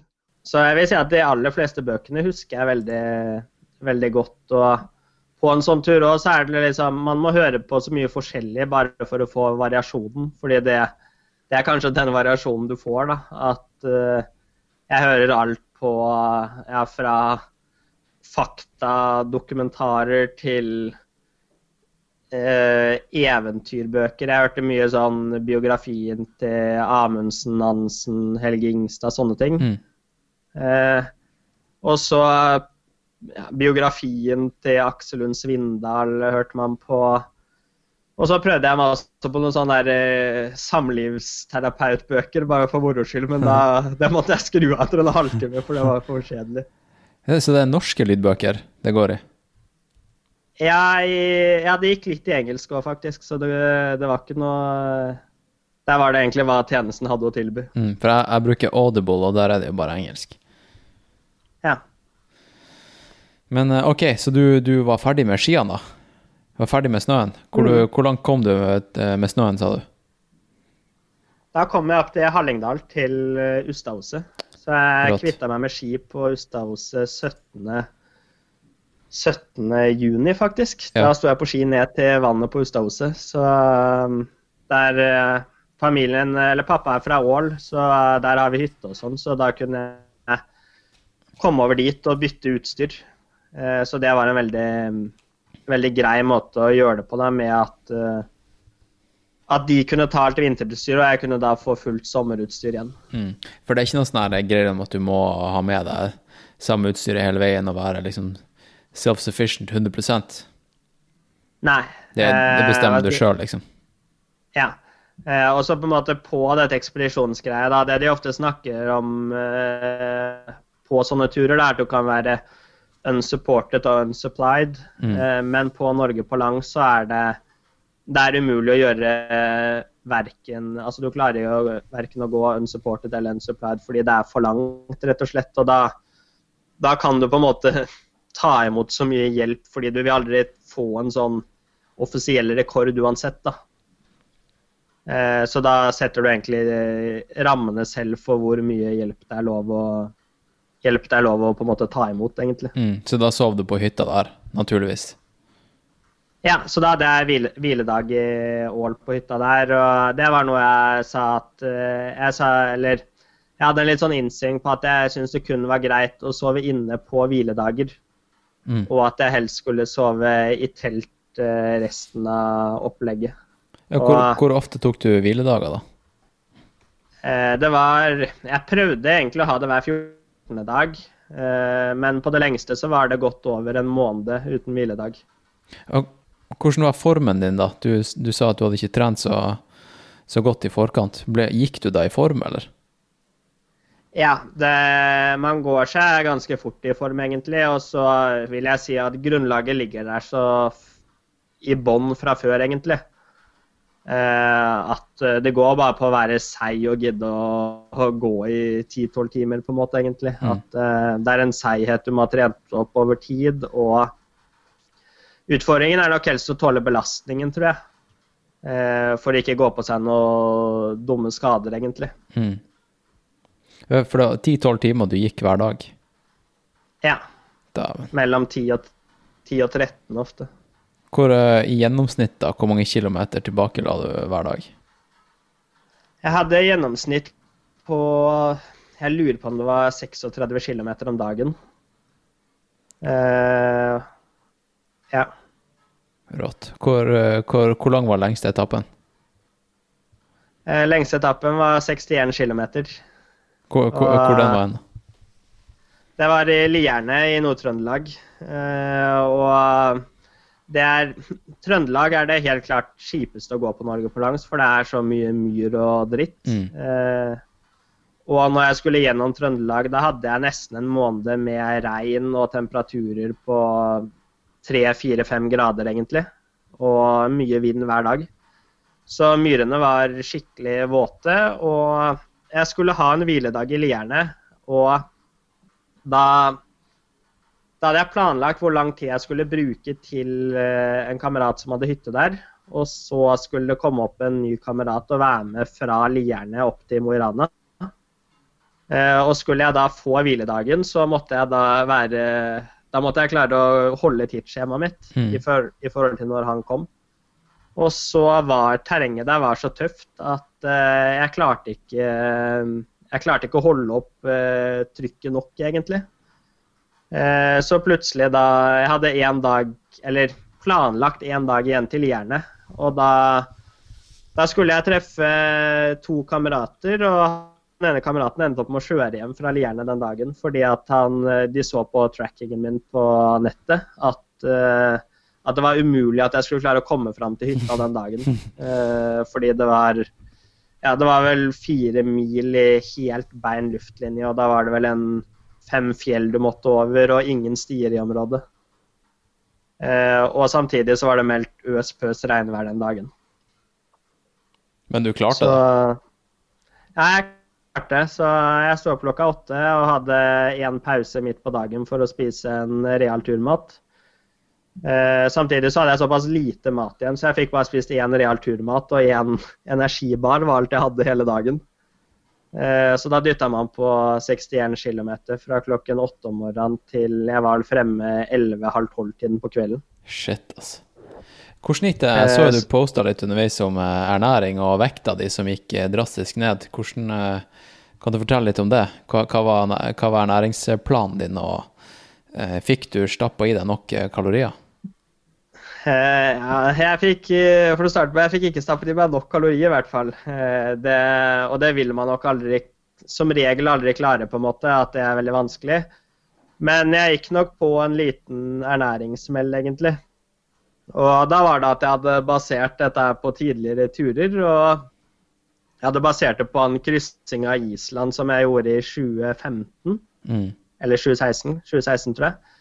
Eh, og i dag da så har jeg nok en del høyere energiforbruk enn hva jeg hadde i 2016. Eh, og samtidig også var dette en tøffere tur hvor jeg kjørte hardere. da. Eh, så spesielt når jeg begynte å komme rundt Trøndelagsområdet, eh, og det var så mye myr og lave temperaturer, så skjønte jeg altså at jeg ikke hadde nok mat. Eh, eller at det var litt lite med mat, egentlig. Mm. Mm. Eh, og da begynte kiloene å falle av. Så jeg starta på Lindesnes, så veide jeg vel 72 kilo. Og så når jeg kom opp til Setermoen, da, Eh, da var jeg nede på 61. Oh shit. Eh, Oh shit. Ja. Det er beinrangel. Hvor høy er du? Jeg er 1,83. Ja, da er vi, da er vi det samme. Ja. Ja. Dæven. Ja, eh, var, det, var det et sjokk for dem som kjente deg og møtte deg når du var ferdig med turen, eller? Ja, det som var da, var at når jeg da kom til Setermoen, så skjønte jeg at nå må jeg, nå må jeg opp til fra, Helt fra Lierne opp til Setermoen, så eller fra Nord-Trøndelag opp til Setermoen, da, så hadde jeg prøvd å øke øke rasjonen litt, så jeg hadde kjøpt meg litt mer sjokolade og sånn. Men når jeg kom til Setermoen, da skjønte jeg at nå må jeg gjøre noe drastisk. Så da gikk jeg jo på en diett hvor det er lunsjen hvor du gjerne tar mest mulig kalorier, da. Eh, Men da spiste jeg gjerne til lunsj 350 gram sjokolade, 400 gram eh, kjeks og 150 gram nøtter. Da Eh, Da snakker du litt over 3000 kalorier til lunsj om dagen. Fy flate. Jeg hørte Børge Ausland siste ekspedisjon. Der gikk han og knaska på hva, Det var ikke smil, men eh, hva heter det andre? De der eh, Ja, det er runde- melkerull. Melkerull, ja. Så Ja. fikk han spørsmål om han eh, ble, ble lei. Han sa bare nei, jeg blir aldri lei melkerull. Nei, det tror jeg nesten ikke på, egentlig. Men Gikk du lei av sjokoladen? Jeg, på denne turen her så gikk jeg ikke så lei av sjokoladen. og Det er nok litt pga. Norge på lang, så kan du komme innom butikker og få litt variasjon. Eh, sånn at, eh, at det hjelper. Men tidligere så har jeg blitt eh, skikkelig lei sjokolade. og jeg spiser ikke sjokolade for å kose meg. Det, sjokolade er det ting jeg spiser for å få med energi nå, liksom. Så Ja, for jeg har, Jeg jeg har liksom samme greia at det, det jeg får servert på matstasjoner i ultraløp, det frister ikke så Mm. mye på kino, liksom. Bare Nei. fordi at jeg assosierer det med liksom kvalme og høy intensitet. Ikke kos, liksom. Nei, og, og det er nok sånn jeg har med sjokolade òg, på en måte. At uh, sjokolade og kjeks og sånn er Jeg kan godt spise for energimessig, men jeg spiser det ikke for å sitte og kose meg på en fredagskveld, nei. Nei. Så det var altså da Midt- Midt-Norge som var det jævligste. Ja, Midt-Norge var nok det Eller i hvert fall sånn fysisk så var det helt klart tøffest. Ja. Uh, men det var Midt-Norge hvor jeg helt klart var sterkest eh, Sterkest psykisk, i hvert fall. At da ja, Man var nesten litt sånn uovervinnelig verdensmester, på en måte, hvor alt Du følte at du bare kunne pushe på, alt gikk egentlig Hodet var alltid med da, på det man skulle gjøre. Mm. Eh, så for det, om, for det om det var veldig tøft fysisk og sånn, så, så psyken var så god at eh, det føltes ganske lett. Uansett hvor kjipt det var. da jeg, kunne, jeg følte jeg kunne gjøre hva som helst, men det var helt greit, liksom. Hva med Du sier at uh, du gikk mye alene da, og ikke møtte så mye folk, men de områdene der det var folk, hvilken del av Norge var det liksom du, du følte at uh, menneskene var mest uh, imøtekommende? Har du noen sånne menneskelige møter du, du husker godt? Ja, det har jeg absolutt. Og Mm. jeg vil nok si at eh, der folk var mest imøtekommende, var nok helt klart Nordland fylke. Ok. at uh, der var det liksom sånn ja, Jeg møtte en eh, familie som lurte på hva jeg holdt på med, og så sa jeg at jeg gikk Norge på langs, og de var sånn Ja, men du har jo ikke fiskestang. Og så jeg bare Nei, jeg har ikke tid til å fiske, for jeg må gå såpass langt hver dag. Og så sier han ene nordlendingen at ja, men har du gått hele Norge på langs uten å spise fisk, da? Eh, og så sa jeg ja, det hadde jeg gjort. Og da var det liksom sånn ja, men du kan bare få noe uh, av røyer fra de, da. Eh, og dagen etterpå så plutselig så gikk jeg forbi et tun hvor jeg ble invitert inn på middag og kaffe og boller og ull og hele pakka, liksom. Så, Nord-Norge, så der var nok Ja, der, der var folk helt klart eh, mest imøtekommende. Mm. Og så Og når jeg kom lenger nord, så var det liksom Det er vanskelig med postkontor når du kommer langt nok nord. Eh, så jeg hadde litt utfordringer i Pga. korona så kunne man ikke sende depot til Sverige, som er det vanlige. Eh, Så jeg fant ut at jeg ville heller hente depot på norsk side, og jeg ville ikke gå helt ned til Narvik sentrum. Mm. Og Ja, der er det ingen som Ja. vil gå. Uansett. Nei Så hva skal jeg si, det, så, Da fikk jeg i hvert fall Jeg spurte på Instagram om noen om jeg hadde noen følgere i området som kunne kjøre ut. Og da var det noen som gledelig kjørte en eh, god etappe og la med masse ekstra snacks i depot. og Se der, ja. Sosiale medier. Dæven. Det er jo fantastisk. Shout-out til dem. Ja, altså eh, det, det var helt rått, på en måte. Og det er mange sånne morsomme møter hvor man sånn, jeg føler sånn Spesielt for min del, da, som når man studerer ingeniør og man går i liksom de akademikerkretsene hvor det er veldig like type folk. og Det kan ofte oppleves som litt sånn spisse albuer, og man skal opp og frem. Eh, og da når man går Norge på langs, så treffer man så mye folk man, som jeg kanskje sjelden ville snakket med ellers, egentlig. Mm. Og så bare sette seg ned og ta en prat med de og høre deres historie, var, det var noe av det råeste med hele turen, egentlig, vil jeg si. Ja. Det, ikke for at eh, det skal handle om meg, men jeg, var ute og, og sykla en god del i sommer. ikke sant? Bikepacka eh, på tvers og, og litt sånn av, av landet. Og, og det, er liksom, det er liksom det. Altså, du, du møter på helt andre typer mennesker enn du ellers ville truffet på. Jeg kan begynne å, å, å ta det til ytterpunktene. Hva, hva var det liksom Hva var det jævligste du opplevde? Jeg hadde flere på en måte Der det begynte å, man begynte å bli veldig medtatt fysisk, var når man begynte å nærme seg Setermoen når man var nede på 61 kg. Da merker man at kroppen Kroppen er seig, men du har liksom ikke den råskapen du har hatt tidligere. Mm. Eh, og samtidig så har du vært så lenge på tur, eh, og du da Når du begynner å nærme deg Setermoen, da var det for min del Ja, da har du Fra Setermoen så lurer jeg på om det er en er det som man tar eh, fra Bodø Fra Bodø begynte det å bli tøft, fordi da er du en tredjedel igjen av turen. Mm. Som vil si ca. 1000 km å gå. Eh, og 1000 km det klarer du egentlig å regne på. Eh, du klarer å se for deg når du skal være i mål, rett og slett. Eh, og med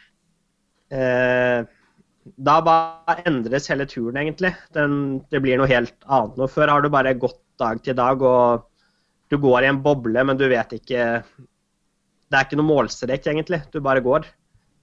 Og så når du plutselig da kan begynne å regne deg fram til at jeg burde være på Nordkapp den dagen, og da blir det, det blir et sånn tallspill nesten. Da. Hvor langt kan du gå, og hvor langt må du gå hver dag for å nå fram. Mm.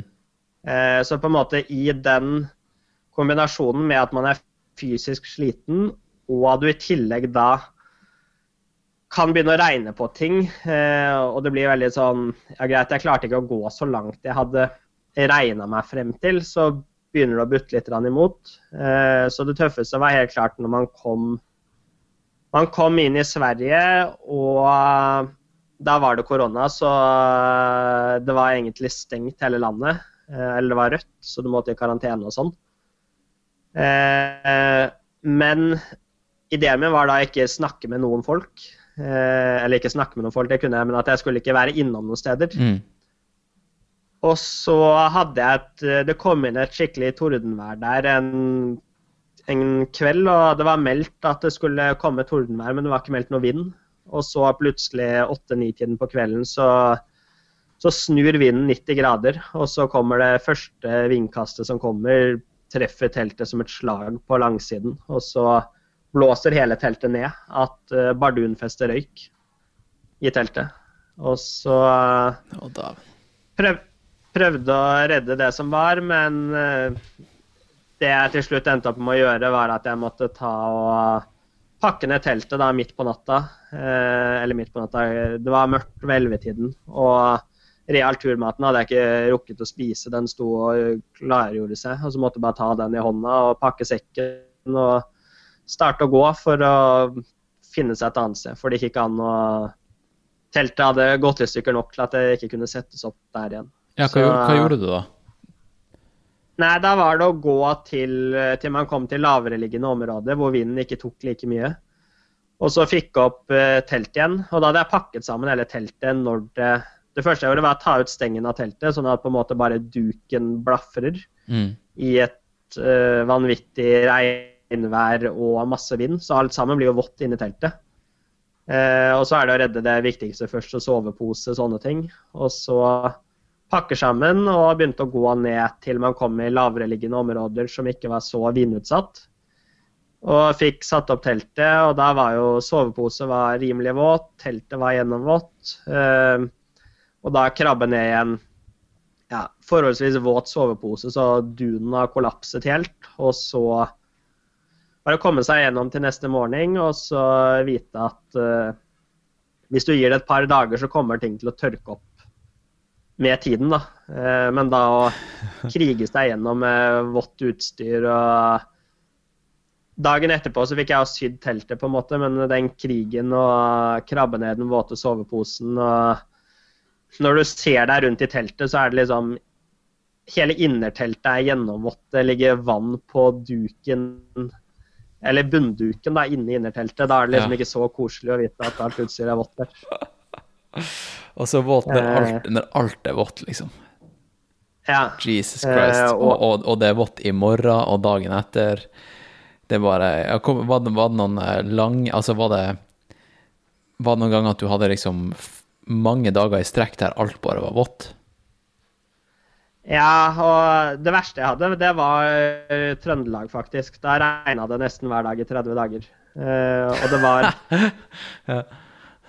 Så, altså, da, da, var det Det var megavått, og der er det bare myr, så du går deg våt på beina hele tiden. Uh, så etter hvert så gikk jeg bare joggesko, fordi at du var våt uansett. Det gikk ja, raskere å gå med våte joggesko enn våte fjellsko. Mm.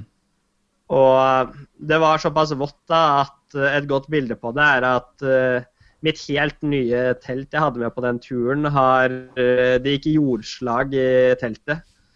Uh, så det er sånn svart muggsopp i, i hele innerteltet da, mm. fordi det var gjennomvått en måned i strekk. Og ja, da er det litt, da er det litt små, små og du helst vil bare ta inn på en DNT-hytte eller noe sånt. og tørketing og Og det er det som frister mest, ja. Så du, du tillot deg ikke å gjøre det, liksom? Nei, det Jeg gjorde ikke det, egentlig. Og det, jeg har aldri sovet på en T-hytte, og jeg har over 1000 døgn ute nå. Og da går det litt sånn sporty å unngå det, på en måte. Det skjønner jeg godt, altså. Og, og så syns jeg det er noe At det er litt sånn hvis jeg kan la bare alt sammen bli vått, og så bare gå inn på første hytte eller første hotell jeg finner, og så tørke alt sammen, da, da mener jeg at jeg har ikke gjort ting riktig nok. Jeg må prøve å gjøre alle valgene så riktig at, uh, at jeg klarer å berge uten en hytte. da. Uh, at uh, ting tørkes på kropp. typisk Jeg hadde i hvert fall tre-fire ganger på, på hele turen hvor dunsoveposen min som skal gå til minus åtte, den kollapset fordi det er så fuktig i teltet over mange dager. Eh, så da, ja, da ser det ut som en våt sovepose, liksom, og det, det er ikke noe varme igjen i den.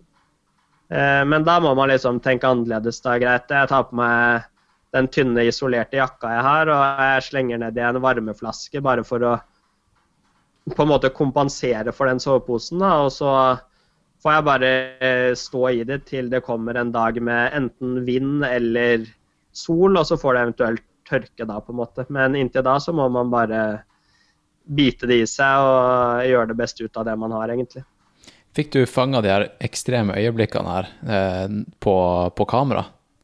Tenkte du mye på jeg det liksom, når ting skjedde? At liksom, shit, det her, det her er jo content til YouTube-kanalen min. Jeg, jeg, tenkte litt på det, og det morsomste med det er at jeg har filmet litt av det på en måte sånn Når jeg selv mener at jeg har det på det kjipeste. Eh, men jeg er en person som Det er ikke så Jeg er veldig stabil følelsesmessig, vil jeg si. At ja. Eh, det går verken mye opp eller ned. Eh, og jeg er så veldig fokusert på å gjøre de riktige valgene hele tiden. At når jeg har sett gjennom filmen etterpå, da, når jeg egentlig har det på det kjipeste liksom, sånn, Jeg er gjennomvåt, det har gått en dag i sludd, liksom, og jeg er redd at teltet skal blåse ned på nytt. Og så kommer jeg frem, og du ser jeg har helt svømmehud under beina. og jeg er liksom sånn Nå er det skip, men nå skal jeg bare vri opp eh, sokkene og sånn. Så ser det liksom Det ser ikke ut som at jeg har det som skip, for jeg er så, jeg er så fokusert på det jeg skal gjøre og sier alt hva jeg skal gjøre fordi det er viktig, på en måte. Jeg tror du kanskje må øve litt på å gå skuespillerlinja, eller noe sånt, for du må liksom klare å For du, du, ser alltid så positiv ut, og stemmen din høres ut som at alt er, alt er bare bra hele tida, ikke sant? Ja. Du må få litt mer sånn uh, Men, dramatisk Du må bli litt mer latino. Ja, og jeg, jeg sa det til en kompis at jeg gleder meg til det øyeblikket hvor jeg bryter sammen på Norge på langs nå, for da skal jeg feire skikkelig, liksom. Men uh, den dagen jeg skulle ligge i grøftekranten og gråt, kom aldri, egentlig. At, uh, at uh, Men jeg tror det også er litt derfor at jeg rett og slett egner meg så godt til så lange turer alene, er at man er så stabil på alt man gjør. At det bare Ja, du er litt sånn evig optimist og happy go lucky, egentlig. Mm. Fikk du noen ordentlige blinkskudd, eller? Bildemessig? Er det noen bilder du er skikkelig stolt over? Og hva, hva, er det som er i motivet? Eh, jeg vil egentlig si at på Norge på lang så er det ikke så mange bilder jeg er sånn Disse er liksom helt ekstreme, egentlig. Nei. Uh, og det er Mye er det at når man går alene, så er det Jeg liker veldig å ha bilder som på en måte Jeg er ikke så glad i kun naturfoto. Jeg vil gjerne vise på en måte hva som foregår, at man har med noen personer eller telt eller sånne ting.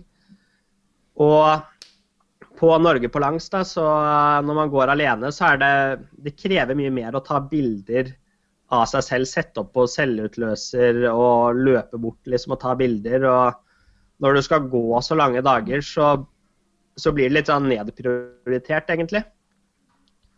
Eh, så det er nok ene grunnen til at det ikke ble så mye bra bilder. Og den andre, andre grunnen til at det ikke ble helt optimalt, er at det beste å ta bilder, det sier jeg er når sola går opp og sola går ned. Eh, men når jeg går 10-12-13 timer om dagen, og sola står opp ved firetiden, og så går den ned ved tolvtiden, mm. eh, så står ikke jeg opp klokka fire om morgenen for å gå ut og ta bilder Nei. på en sånn Norge på landstur. Altså. Eh, og jeg gidder heller ikke at Jeg er veldig sånn at når jeg kommer fram til camp, og jeg slår gjerne camp ved åtte-ni-tiden på kvelden, og da krabber jeg inn i teltet, og da går jeg ikke ut av teltet før neste morgen jeg skal pakke det ned igjen, egentlig. Mm. Eh, så jeg gikk nok glipp av litt blinkskudd, eh, at man heller bare lå i telt og restituerte til neste dag. Mm. Fikk du litt eh, annet perspektiv på, eller et annet syn på det han Lars Monsen driver med? Eller, eller, eller, han der, han der Survivor Man på Discovery, husker jeg, for noen år siden.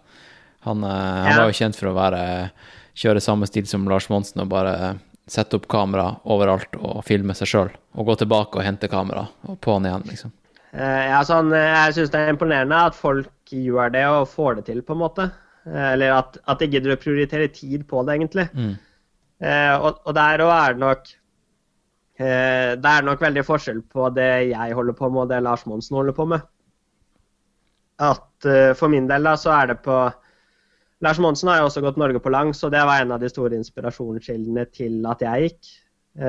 og når han gikk Norge på lang, så brukte han ett helt år på turen.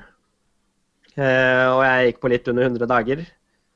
Og der er på en måte litt Forskjellen er at når man for min del, når man er så pushet på tid, så det blir for uh, ja, du, går, du, går, alt du kan uansett, og da drive og gå frem og tilbake for å filme Det utgår litt fort, egentlig. Mm. At uh, da må man være Man må være et mye mer romslig titt tidsestimat, rett og slett, egentlig. Ja, og så gjorde jo han det kanskje Jeg vet ikke, jeg har ikke, ikke sett så mye på, på Lars Monsen, men uh, uh, han har på en måte en annen agenda med turene sine. Han skal jo også leve av den turen. Han skal jo mm. cashe inn i etterkant med å ha laga en film av det. Du, du, gjør jo det her fortsatt på hobbybasis, ikke sant? Ja. men så tror jeg altså på en måte sånn Jeg pleier å si sånn Når jeg blir sammenlignet med Lars Monsen Hansen, da pleier jeg å si at vi driver med to forskjellige ting. At han er en som han, liker, han er ikke så veldig glad i å gå så vanvittig langt hver dag, jage fra A til B. Uh, at der er jeg nok mer lik på en måte sånn Børge Austland, Alexander Gamme Mm.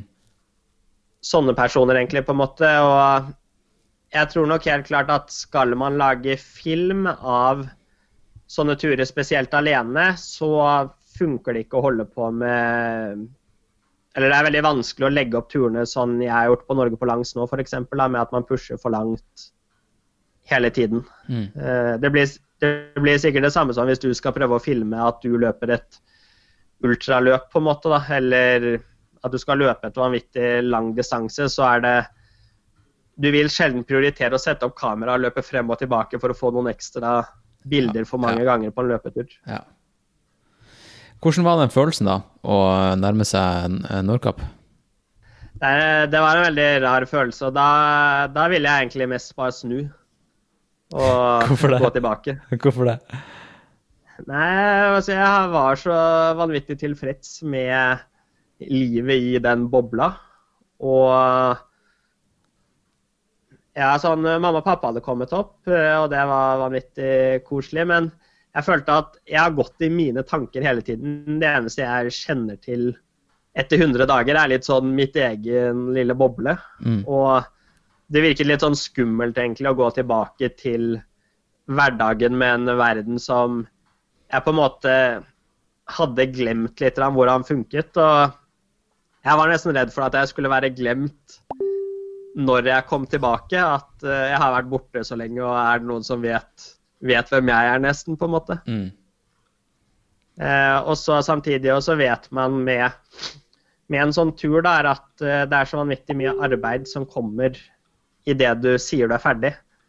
Eh, fordi du har fri helt til fri til du sier du er ferdig, på en måte. Mm. Og så da da visste jeg hadde tre uker med skole jeg måtte ta igjen, og så kom alt dette her ferdigstillingen av Norge på langs og levere tilbake, eller levere materiale tilbake til sponsorer, sånne ting egentlig. Og bare fullføre turen, egentlig, da. Mm. Eh, så det jeg gjorde da på Norge på langs, var at de som fulgte meg tettest, de så at jeg annonserte at jeg skulle på Jeg skulle være på Nordkapp.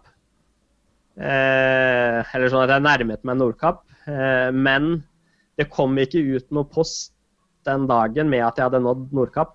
Eh, og den kom ikke før ja, nesten 24 timer etterpå. Og da, da begynte mamma og pappa å få telefoner av familievenner og sånn som var sånn hvordan, hvordan går det med Sindre? Har han klart det? Og vi har ikke hørt noen oppdatering. Eh, men det var rett og slett bare for å ha en, eller ha et døgn da, hvor jeg kunne bare hente meg inn og være ferdig med tur uten at alt sammen skulle bare eh, overlasse meg, på en måte. Ja, det skjønner jeg godt. Eh, Kristine som gikk eh, PCT, hun, hun snakka om eh, at det var veldig vanlig å ha en sånn såkalt eh, post-trail depression. Har du Mm. kjent noe på den, eller? For det høres jo veldig likt ut, det du snakka om nå. Ja, det hva jeg sånn eh, Da tror jeg det var mest bare for å få litt space, egentlig, på en måte. Men med en gang jeg kom tilbake, da var det fullt tilbake. Og det var å hente seg mye inn på skole og sånn, som eh, Og alt mulig annet arbeid. Så jeg jobbet eh, jeg jobbet fra klokka seks om morgenen til ti om kvelden med skole og ferdigstilling av ting, egentlig. Mm. Eh, Så jeg fikk på en måte ikke tid til å sette meg ned og tenke over at, at dette er fælt å være tilbake, egentlig. Og så var det vanvittig mye fine studievenner jeg har, på en måte, som tok meg vanvittig godt imot. Og at der syns jeg det egentlig var veldig fint å komme tilbake, samtidig som man begynte med en gang Eller jeg kom til Alta før jeg begynte planlegging av neste prosjekt, på en måte. Og da var det en del deadliner som kom nå tett etter i de påfølgende ukene, så man har jobbet eh, nesten natt og dag nå siden Norge på langs med ferdigstilling, skole og da neste prosjekter. Ja, hva er neste prosjektet, da? Nå ble jeg spent. Ja, nå eh, hva sier vi, prøver Jeg var på en gjorde en, eller var med på en klimaekspedisjon på Svalbard i fjor sommer. Mm. Hvor vi dokumenterte klimaendringene der oppe og gikk rundt på tur og tok Vi hadde masse bilder som var 100 år gamle, og så tok vi samme bildene i dag. Mm. Eh, sånn at du kan legge de oppå hverandre og dra sånn sliders. Og du, Ja, jeg skjønner, du, leter etter de samme, du leter etter de samme steinene i forgrunnen og sånn. Ja. Eh, så da gjorde man et prosjekt der jeg var på Svalbard i litt over tre uker, tror jeg. Og så tok litt over 40 sånne panoramabilder. Og det har jeg nå jobbet et år med å lage en dokumentar om, som jeg nå er akkurat ferdig med og skal ha den litt ut på filmfestivaler. Og det vi nå har prøvd, eller det som skjedde, var at jeg traff noen i Alta som hadde seilbåt. Og vi har vært gira på å videreføre dette her prosjektet for, eh, for det vi gjorde først på Svalbard. Da var vi bare i området Longyearbyen Barentsburg. Mm. Men vi har lyst til å gjøre det for hele øya, egentlig. Og da trenger vi noen med seilbåt, og plutselig så traff jeg noen eh, i Alta som var eh, vanvittig opptatt av miljø. Hadde en seilbåt i Alta de bodde i, i stål, eh, og var gira på å seile rundt Svalbard. Og da slagger jeg ut rundt eh, middagsbordet der, som De òg var sånn jeg bare hadde møtt via Instagram, på en måte. Eh, som hadde invitert meg på båten, for jeg gikk Norge på langs. Og så slang jeg ut til de at eh, dere er ikke gira på å gjennomføre en sånn ekspedisjon, seiltur da, rundt Svalbard, og dokumentere det, og at vi prøver å, prøver å få, få gjennomført den. da. Dødsfett, da. Så eh, det er det man har jobbet med, og prøvd å lande, lande finansiering på det. Og så er målet er å kunne lage en dokumentar som skal sendes på nasjonal TV, egentlig. Ja, det ligger jo litt i kortene at du skal ikke bli ingeniør, Sindre. Nei, altså jeg sier det at uh, på, jeg, sat, jeg satser så hardt jeg kan på tur nå de to neste årene, og nå har uh, gode karakterer har uh, utgått, for å si det sånn, Ja. siste året. Og nå er det to år med bare få gjennom at man får graden til slutt, og så tenker jeg at man uansett skal gjøre opp regnestykket da når man leverer masteren, og så ser man da om det om man går ut og satser mer eventyr, eller om man jobber litt, eller hva man gjør. Apropos det her med sponsorer og sånt. Du, du lagde en video på YouTube, som du lagde på YouTube for ikke så veldig lenge siden, eh, der du Mm. rett og slett eh, deler din oppskrift til å søke, søke etter sponsorer. Kan du fortelle Mm. litt om eh, tanken bak det å, å på en måte dele din hemmelighet, holdt jeg på å si? Eh, og, og hva er det som er hemmeligheten? Nei, sånn, hva som er eh, hemmeligheten, da, for å starte med den, så er det Det jeg på en måte har skjønt når man nå har jobbet med ting veldig lenge, er at det viktigste er å være profesjonell i absolutt alle ledd man gjør, og alltid overlevere. Og eh, på en måte at jeg tror at Eller jeg pleier å si at det er alltid penger i i på en måte selskaper har alltid penger de kan sponse med, men det handler bare om at du må kunne tilby De må mene at de får nok verdi tilbake for at de gidder å sponse deg, rett og slett. Mm. Eh, og hvis du skal si, skal du spørre om eh, 50 000 til et prosjekt, eh, så må jo prosjektet framstå Eller du må framstå som en som selger et prosjekt til 50 000. Eh, og da på en måte handler det om at du må, du må være så proff at at det må, det må gjenspeile eh, verdien du spør om, rett og slett. Eh, så skal du spørre om store ting, så må du vise at du er proff nok på ting. Eh, og det jeg på en måte har funnet ut, er at, eh, er at store selskaper eh, i Norge f.eks., de får nok eh, de får flere sponsorsøknader daglig, hvor folk skriver side opp, side ned i et Word-dokument og sender over og spør om de er gira på å sponse det. Mm. Eh, og det jeg har funnet ut da, er at det er jo ingen som egentlig liker å lese side opp og side ned med et Word-dokument. Eh, fordi det, det, skjer, det ser ofte litt sånn kjedelig ut. Ja, tekst er dritkjedelig. Det er ikke sikkert å bruke tid Ja. på å lese tekst. Nei. Eh, så da har, jeg funnet, da har jeg funnet ut nå at, eh, at det viktigste er å lage det mer visuelt. Eh, så man kommer med en framstilling med mye mer bilder og Det jeg da har gjort, er at jeg da har laget en template som forteller om meg selv og prosjektene mine, som ser veldig stilrenere ut, rett og slett. Og ved å bruke en sånn template, da, når du da sender over, så er det sånn Å ja, men eh, da, da er ideen min at eh, de jeg da kontakter, de skal tenke at dette her er bare prosjekter som er verdsatt til ganske dyre prosjekter som fremstiller ting på den måten, rett og slett. Eh, og det da er da mye enklere å overbevise eh, at eh, jeg er en som er så proff, og da må dere levere mye mer tilbake til meg, rett og slett. da. Så egentlig de 50 000, hvis vi bruker det som et eksempel, det ville de eh, sett på som en billig penge? Ja. Mm, for de får så sykt mye mer tilbake. det. Jeg, ja, eller at det ser ut som at det jeg leverer, på en måte, er at, uh, at prosjektene mine er verdsatt til mye mer, da, rett og slett, egentlig. Mm. Eh, og så det jeg har gjort der, og lagt ut den malen, på en måte, og det er for lytterne her òg, på en måte, er det sikkert noen som syns det er interessant med sponsing og sånn, så er det bare å sjekke det ut på, på YouTube. Om dere søker opp Sindre Kolbjørnskar, så kommer det opp der, eller kanskje du legger ut noe link? Jeg legger ut link i shownotes og overalt. Ja, og da, da ligger det i hvert fall en mal der hvor man kan bare Hvor jeg i hvert fall satt opp designet fint, og så handler det om å sette inn bilder og skrive tekst rett og slett selv, da. Eh, og så har jeg også skrevet en bare rask eh, mail-template som på en måte jeg ofte sender, men det viktigste er å få de over til å se den her eh, PDF-en som fremstiller ting litt grann ordentlig. Mm, må bare si fra til de her, eh, dem som eventuelt bruker malen. De må ta bort si, si- hilsen Sindre Kolbjørnskar. ja, det, det har vært kult. Og hva skal jeg si, send over bilder hvis dere lager det, så jeg får se hvordan det blir. på en måte. Det er bare kult. Så kan jeg gi litt tilbakemeldinger og sånn. Ja, hva med, hva, med, hva med grunnen til at du gjør det, da? Hvorfor, eh, hvorfor, hvorfor deler du?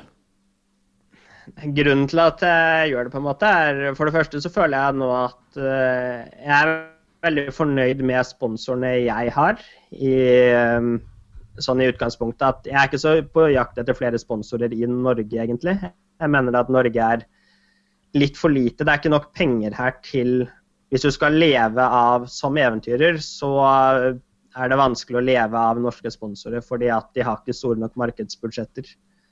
Mm. Eh, Så det er rett og slett ikke så relevant. Eller jeg føler at jeg har ikke tenkt å prøve å skaffe så mye sponsor i Norge, så jeg tenker ikke at jeg gjør det veldig vanskelig for meg selv der. Eh, Samtidig så har jeg lyst til å gi tilbake til noen fordi at Eller til flest mulig, for jeg føler nå at det er I hovedsak så er det så Sponsorene går så veldig etter Instagram, på en måte. Og hvorfor skal man kun verdsettes ut ifra hvor mange følgere og hvor mange likes du har, på en måte? At eh, kan ikke de andre som eh, ikke har det, på en måte heller vise at de er vanvittig proffe på flere fronter, da, og da typisk bruke en sånn pitch til å overbevise. Mm. Eh, og så er det litt bare for å for å bygge et, eh, et på en måte samfunn rundt den YouTube-kanalen min. Og så ser jeg vel for meg at på sikt at hvis dette er noe som veldig mange syns er bra, så kan man eventuelt i fremtiden, hvis man skal leve mer av som eventyr, at man da eventuelt kan begynne å selge mer enda mer eh, større templater, på en måte, gå enda mer i dybden på ting, da. Mm. Eh, sånn at det er litt for å sjekke om det er interesse for det i det hele tatt òg. Mm. Har du hørt om han eh, Gary eh, Vaynerchuk? Nei. Eh, han, eh, han har skrevet et par eh, fine bøker, og jeg, jeg tror jeg hørte på en podkast med han der eh, det var spørsmål fra enten en lytter eller noen andre som Det var snakk om eh, eh, Fordi han gir ut ufattelig mye gratis innhold, ikke sant? Hvorfor legger han det ikke bak en betalingsmur? Og da var svaret fordi ingen andre gjør det. Derfor kupper han markedet med å bare gi det ut gratis, og så får han eh, betalt på andre måter, som ikke er liksom det ene produktet han legger ut gratis, men det er liksom Det kommer tilbake, eh, tilbake til han da, på en Mm. positiv måte en eller annen gang på en eller annen måte. Det som på en måte, hvis man skal Hvis jeg på en måte skal for å, Så lytterne kan få litt innsikt i på en måte hvor hvor sterk eller hvor viktig en sånn eh, tilbake eller en sånn pitch er å bruke, da, så hadde jeg et eksempel nå med at eh, at jeg var jo sponset av Arterix, Mm. og der er det på en måte For min del så er man sponset, eller de som kontaktet meg, var et PR-byrå i Sverige, og de har ikke det er vanskelig å komme videre fra PR-byrået opp til ledelsen i Arterix. Ja, ja, de har uh, ingenting med dem å gjøre. Nei. Uh, men så har man på en måte fra dette Arterix Academy, hvor vi traff hverandre i Oslo, der traff man jo litt av ledelsen i Europa. Og fikk liksom noen ansikter og fikk eh, bygd litt av relasjoner der. Eh, og så tenkte jeg at eh, Eller det gjorde at eh, nå når korona kom og Norge på lang, så var det veldig vanskelig for meg å få et utstyr for Arterix. Men eh, Felix, som eh, vi to kjenner godt fra Arterix Europa, Mm. han, klarte å, han klarte å skaffe noen sko til meg og lurte på om jeg kunne komme en tilbakemelding på skoene. Ikke sant? Så det gir dem verdi der. Mm. Ja, og så sa jeg at jeg skulle gi en, en tilbakemelding etter når jeg var ferdig på Norge på langs, liksom. Eh, og så tenkte jeg at når jeg nå skal gi tilbakemelding, så gir jeg tilbakemelding på absolutt alt utstyret jeg har brukt, eh, som jeg mener som jeg har hardtesta skikkelig, fordi jeg har gjort meg mye erfaringer på hva som funker og ikke med det utstyret jeg har brukt. Og da dyttet jeg det inn i denne her templaten, for jeg visste at eh, da sender jeg det over til eh, Felix, og Felix kommer til å sende det videre. Eh, men hvis dette her er sendt som et vanlig Word-dokument, og det blir sendt over til designerne til til uh, hovedkontoret til Arterix i Vancouver, da, så kommer de til å se på det, lese raskt gjennom det en gang, og så bryr, bryr de seg ikke mer. på en måte. Dette Ja, er en vanlig, Ja. vanlig tilbakemelding. Så du overleverte der. Du ikke bare, ikke bare Ja. ga du tilbakemelding på masse andre produkter, men du lagde et eh, fett eh, visuelt eh, fett visuell presentasjon av det. Ja, da endte opp med at jeg, at jeg fikk eh, svar fra hoveddesigneren for hele Arterix-teamet, eh, som sendte og lurte på om jeg kunne være interessert i å teste mer utstyr og sånn, på en måte. Og han lurte på om jeg hadde med fotograf på turen, fordi at han syntes bildene var så proffe. Ja, ikke sant. Det er sånn, Eh, det, er da- sånn det gjøres. Det er sånn det gjøres. Så, så derfor vil jeg på en måte anbefale folk at skal dere bli sponsor, eller jeg bruker det også for å kontakte lokalaviser eller andre aviser, på en måte. Så bare dropp å skrive om eh, engasjementet ditt eller hva du kan gi tilbake. Bare bruk det til å presentere deg selv for en avis, så, så er det mye lettere å få avisartikler da. Mm. Ja, det der med, med å trigge, trigge viktige uh, decision makers med noe visuelt, det tror jeg bare er dritviktig, altså. Mm. Dritviktig. Jeg syns vi har dekket eh, veldig mye her, altså. Hva du tror Ja. Eh, er det noe du eh, Er det noen sånn spesiell lærdom du, eh, du har fått av, den turen her, da? Som du ikke har fått på noen andre turer? Noe sånn Hva du sitter igjen med? Ja, vel, sånn Det, det jeg syns er veldig vanskelig med Norge på langs å forklare, er at det er i hovedsak en indre reise og ikke en ytre reise, egentlig. Oi. At, uh, at Ja, ja det, den, den er dyp. Ja. Men uh, at uh, det føles ikke sånn at det er egentlig samme hvor jeg har gått, egentlig. Eh, fordi at eh, det er liksom det er det fine med egne tanker som på en måte er det jeg sitter igjen med. Og jeg sitter igjen med en enda mer klarhet i, i hva jeg vil gjøre videre. da, At dette med tur og spesielt film eh, henger veldig høyt. Og jeg har lyst til å bruke mer tid nå på å fortelle Eller lage film og fortelle de virkelig gode historiene, egentlig. Mm. Eh, at det er en ting jeg vil på en måte satse mer på, da. Eh, og skal jeg ut i ingeniøryrket, så vil jeg bl.a. ut i offshore, sånn at jeg da kan jobbe to måneder på to måneder av, f.eks. Mm. Eh, så på en måte jeg har fått en veldig sånn klarhet til å rydde opp i, rydde opp i livet, egentlig. Og en ting som henger høyt, på en måte, som eh, hvis det nå ikke blir noe Svalbard-prosjekt, er at eh, da har jeg lyst til å Vi snakket om å lage en film med noe løping i Tromsø og sånn, på en måte, og prøve å få med Arterix på laget der. Mm. Og det er noe som, eh, som jeg At på en måte det er en sånn historie jeg har lyst til å fortelle, på en måte. da, Din historie med, gjennom film og litt sånn at jeg tror det er en at det er en god historie man kan fortelle på en veldig god måte, på en måte. Mm. Og at, eh, ja, at det, er, det er noe mer enn bare prestasjon nødvendigvis man trenger å dra fram. Ja, for vi, vi snakka jo om å, om, å, om å dokumentere den her eh, Ersfjordtraversen. Mm. Uh, og den, jeg, jeg gjorde jo den i, i sommer, eller i høst. Uh, men Ja, jeg, jeg. jeg, satte ikke noe rekord, det var mer bare sånn her litt sånn rask eh, rekognosering. Mm. Eh, men eh, definitivt, det må dokumenteres ordentlig neste gang eh, Mm. jeg springer der. Så- Så noe sånt prosjekt på en måte hadde vært veldig kult. på en måte, og det, det er det som er nå med på en måte filmlaging for min del, er det at eh, hvis man skal bli veldig god på filmlaging, så funker det ikke å hoppe rett ut på de tøffeste ekspedisjonene, fordi du må ha overskudd til å filme. Eh, og derfor er det på en måte Sånne prosjekter er liksom helt optimale, på en måte, fordi at eh, da har jeg mer hvile og mer overskudd, på en måte. Og tilsvarende på en sånn Svalbard-ekspedisjon, så er det ikke Man går seg ikke i senk hver dag, på en måte. Eh, og da, da har man det overskuddet. Så derfor er jeg veldig ute etter sånne typer prosjekter. da, og rett og slett bare kule historier i kul natur som man kan fortelle om folk. Mm.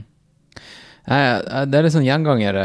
De, de beste historiefortellerne og dem som tar best bilder og lager best filmer fra, fra outdoors-segmentet, de er også veldig dyktige i den tingen de filmer. Som for eksempel han Jimmy Chin, også en veldig flink klatrer, ikke sant.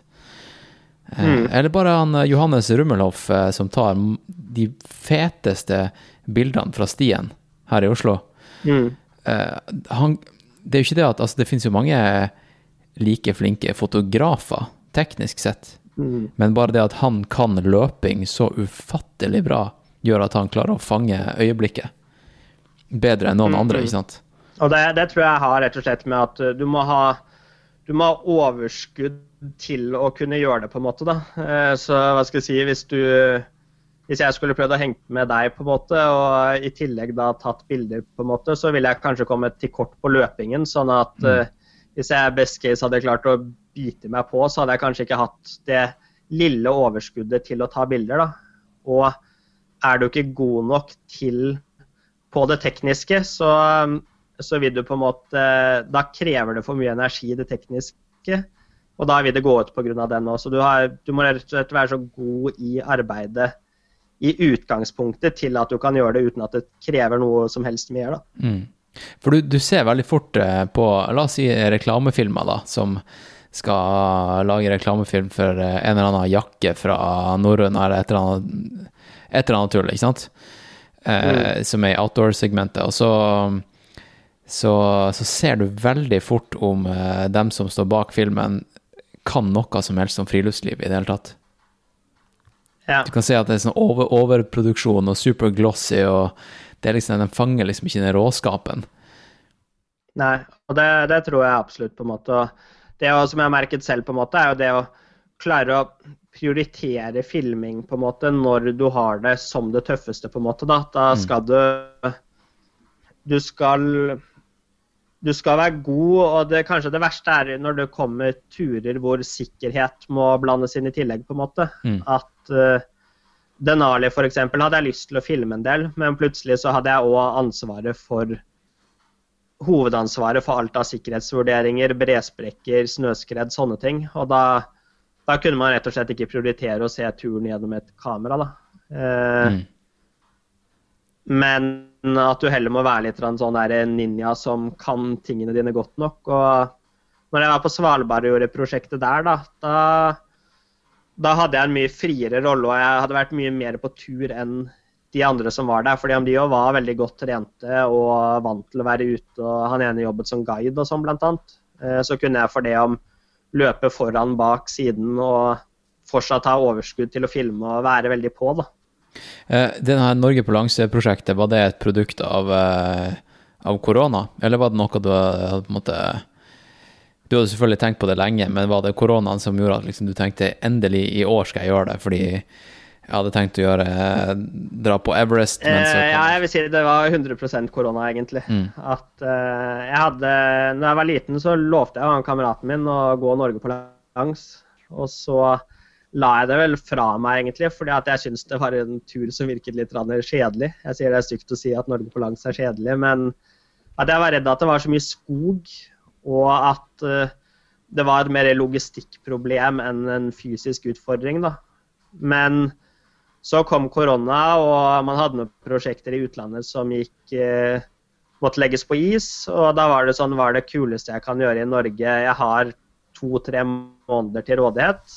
Og så syns jeg Norge på langs ble veldig kult når man kunne Når man hadde så kort tid, og man i tillegg satte begrensninger på tid og rute og sånne ting. da. Mm. Eh, Så det, de begrensningene der gjorde at det, ble, det plutselig ble interessant for meg, rett og slett. Men at det var en ja, effekt av korona, egentlig. Jeg hadde aldri gjort det hvis det ikke var korona. Ah, ok. ok.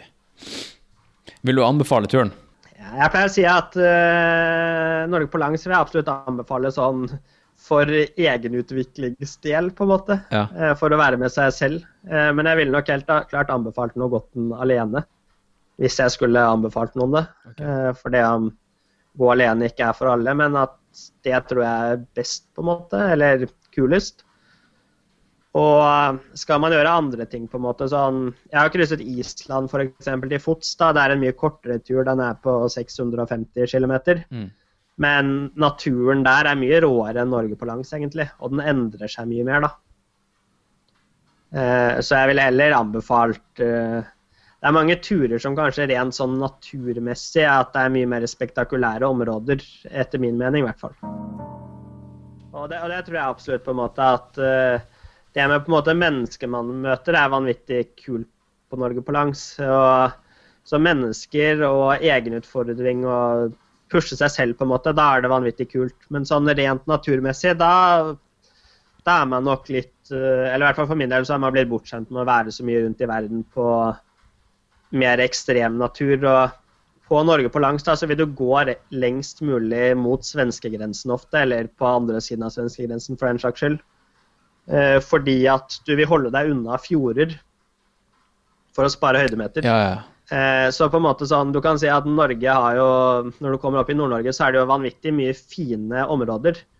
Men de ligger ut mot kysten, kanskje, de som er mest spektakulære. Eh, så folk eh, Som for min del, da jeg gikk via Er det Tjomfjella det heter, i Narvik? ja. Der er det dritfint. Ja, der er det megafint, og det var virkelig en, eh, et av høydepunktene. Eh, Men det er et område de fleste ikke går i det hele tatt. De går mye lenger inn i Sverige, der det er mye flater og bare åser, egentlig. Ja, så kjipt. Eh, Så at hvis man går en sånn standardrute Norge på lang, så er det mye av de der åsene mer flatt, egentlig. Jeg vet ikke helt om jeg gidder å prøve meg, men jeg har en, eh, en kompis som, eh, som eh, skal løpe Norge på langs neste år. Han skal prøve å sette rekorden. Han heter Simen Holvik, og han hvis, hvis det kom med et par sånne her pling, liksom forstyrrende lyder i podkasten her, så var det han som skrev til meg på Messenger. Eh, han er i full planlegging, selv om det er liksom et år unna. Men eh, hva du tenker om det, da? Når du hører at folk skal løpe Norge på langs. Det er jo en helt annen, helt annen måte å oppleve den turen på. For det blir jo, da blir det jo på en måte raka av veien. Det, det som er morsomt nå, er at eh, jeg traff uh, hun ene jenta som skal løpe òg og prøve å sette rekord. I, Oi? I, så da er det to stykker som er ute og skal prøve seg til sommeren. Ah, kult. Vet du hva, hva hun heter, eller? Eh, eh, hun heter eh, Nå står det litt eller Gina, tror jeg hun heter. Hun er sponset av Arterix, hun òg. Okay. Så hun, hun bor oppe på um, Bor oppe på um, I Honningsvåg. Så hun, har- hun gikk Norge på langs i fjor. Til fots. Og nå skal hun springe. Ja, og prøve å sette rekorden. Ja. Eh, så på, på en måte at eh, Løpe-Norge på langs er at eh, Jeg syns det er et absolutt kult prosjekt, eh, men det er liksom Jeg syns det går så mye logistikk i det. At, at det er mer et sånn logistikkproblem, absolutt den løpingen. Fordi det er litt sånn hvor, hvor mye kan du Hvor mye kan folk tilrettelegge for deg, på en måte, da. Eh, og du på en måte fortsatt kall, Hva er på en måte eventyret hvis du går som en zombie på en måte halve tiden? Mm. Ja, vi får høre, da. Jeg skal intervjue han Simen om ikke lenge, eh, om, om prosjektet og, Ja. og hva han tenker. For det, jeg tror han har noe spesielt eh, på gang når det kommer til eh, eh, self-supported og, og hvor mye hjelp han eh, skal, skal, skal få, liksom. Ja, for det, det er absolutt kult, på en måte. Og så håper jeg og sånn Det jeg syns hadde vært kult, eller som og det hun Gina sa at hun skulle gjøre, hun skulle løpe litt i terrenget og sånn, på en måte. At uh, Fordi det er, det er ikke alle steder hvor veien er raskeste løsning, på en måte. All right. Uh, det kan være bedre, bedre å løpe over fjell og sånn. Det er fett. Det er fett. Du, eh, tusen takk for at du var med i podkasten, Sindre. Ja, tusen takk for at jeg fikk lov å være med. Det var veldig morsomt. Ja, nå tok jeg litt sånn brå, brå slutt der, men jeg føler liksom at vi, nå har vi, nå har vi snakka, nok. Så hvis det er folk som har noen noe spørsmål til deg, så kan de jo bare ta og, og sende deg en melding på Instagram, f.eks. Eller eh, gå Ja. inn på YouTube-kanalen din og så kommentere i, på en eller annen eh, video. Det er jo veldig bra for, eh, for søkemotoren, er det ikke det? Å like Jo, er og subscribe og kommentere, er det ikke det man sier? Jo, Sø søkeoptimalisering. Ja, ja. Men eh, merker du noen stor forskjell da, når folk liker og kommenterer, at det liksom At du får masse nye følgere? Eh, man merker det litt rann, eh, både og, på en måte. Og det man har merket spesielt nå, er at Instagram på en måte dreper mer og mer engasjement i forhold til hva de har hatt foregående år. da. Eh, så YouTube har en mye snillere algoritme sånn sett, på en måte, som hvor, eh, hvor innholdet blir vist eh, over tid. da. Mm. Eh, og eksempel på YouTube nå så så jeg akkurat at jeg har 500 timer avspilt i måneden ca. Eh, og da er det jo masse gamle filmer hvor folk fortsatt ser fordi de kommer opp når folk søker. Da begynner du å tjene litt Og- penger på YouTube. Ja, eller hva skal jeg si, det er ikke innenfor den inntektsgreia enda, men det at uh, hva sier man begynner å nærme seg der hvor man kan få inn noe penger. Ja, ja, det kommer seg. Det kommer seg. Rått. Men uh, da tar jeg og- stopper den record, eller trykker på stopp record-knappen, så kan vi prate litt, uh, ta en bitte liten debrief eh, etterpå. Eh, Ja. Ok, da sier jeg eh, over og ut til lytteren, og så tar vi og fortsetter praten etterpå.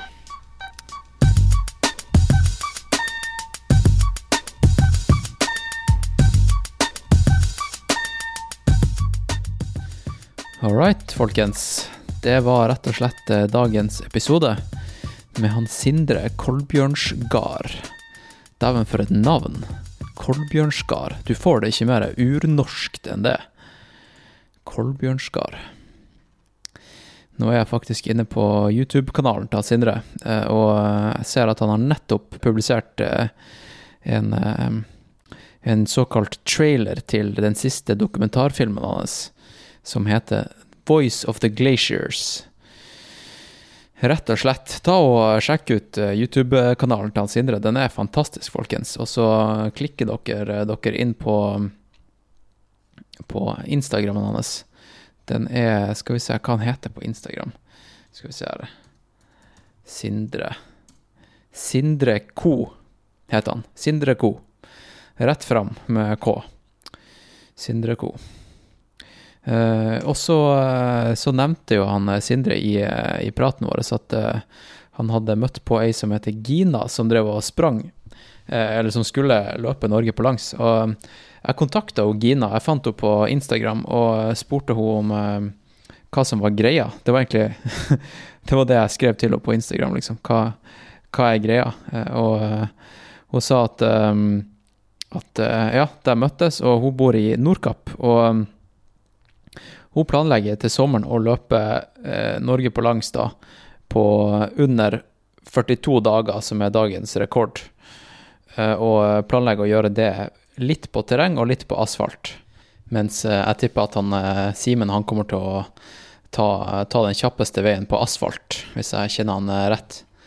Og så, um, så har det seg sånn at han Erik Nossum, han er jo rekordholderen, og han har løpt på 40 dager.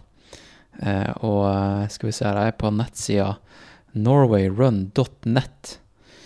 Der er det rett og slett en eh, ganske heftig oversikt over dag for dag-opplegget hans, der han, han sprang vel i eh, 2010, og da sprang han skal vi se, det var ikke 40 dager, det var 40, 42 døgn 9 timer og 6 minutter og 5, 45 sekunder.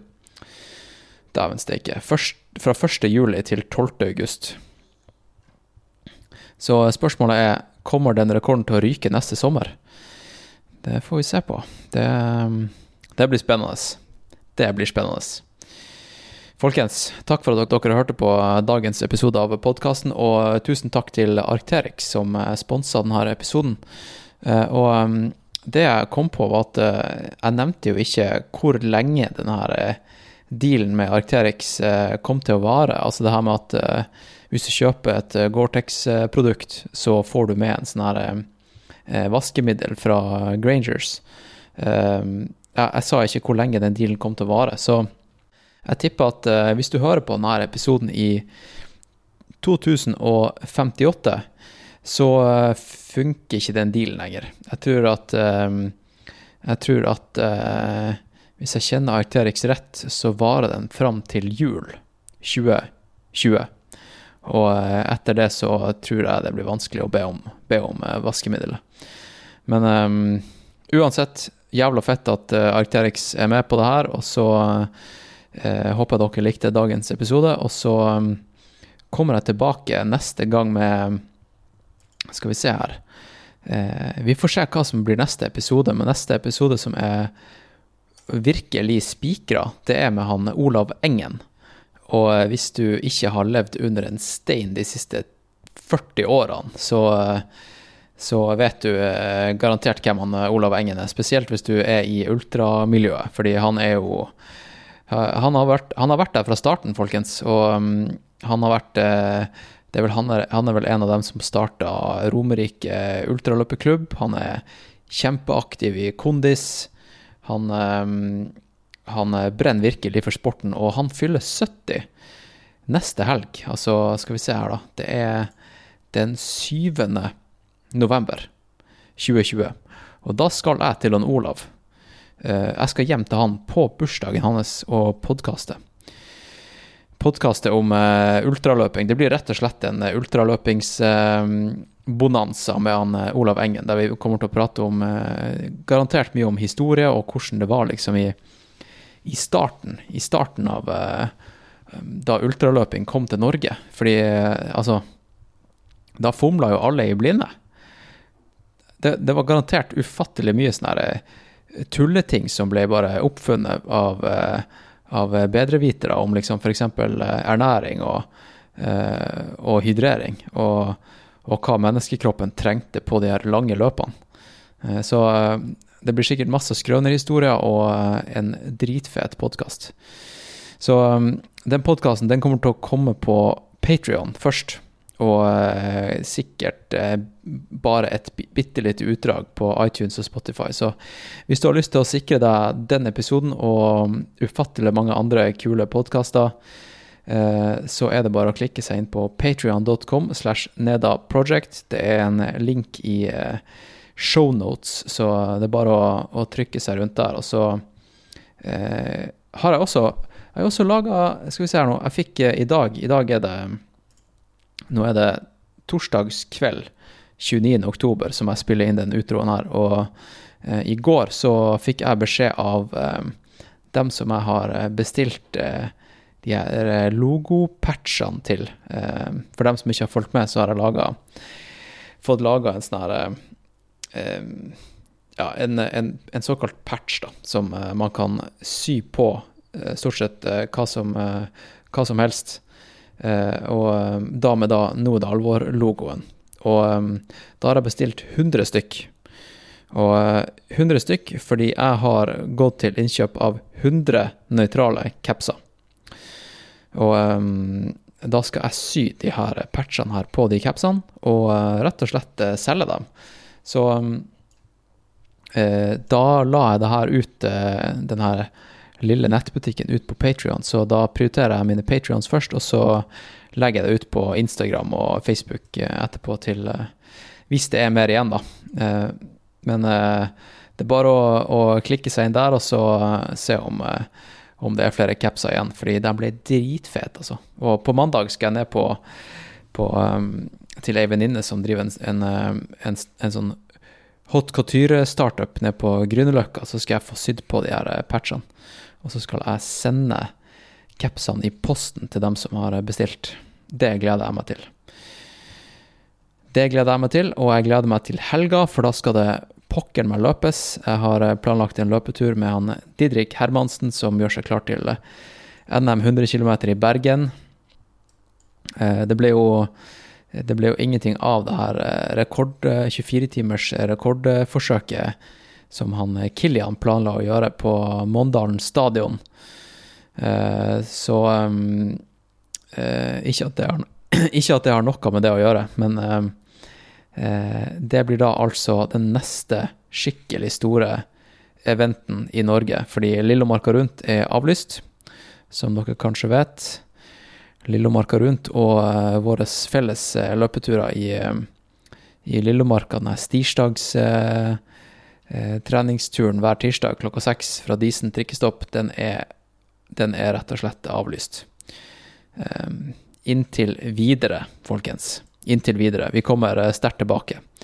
Når koronaen roer seg ned Når koronaen roer seg ned Hei, folkens. Takk for at dere hørte på.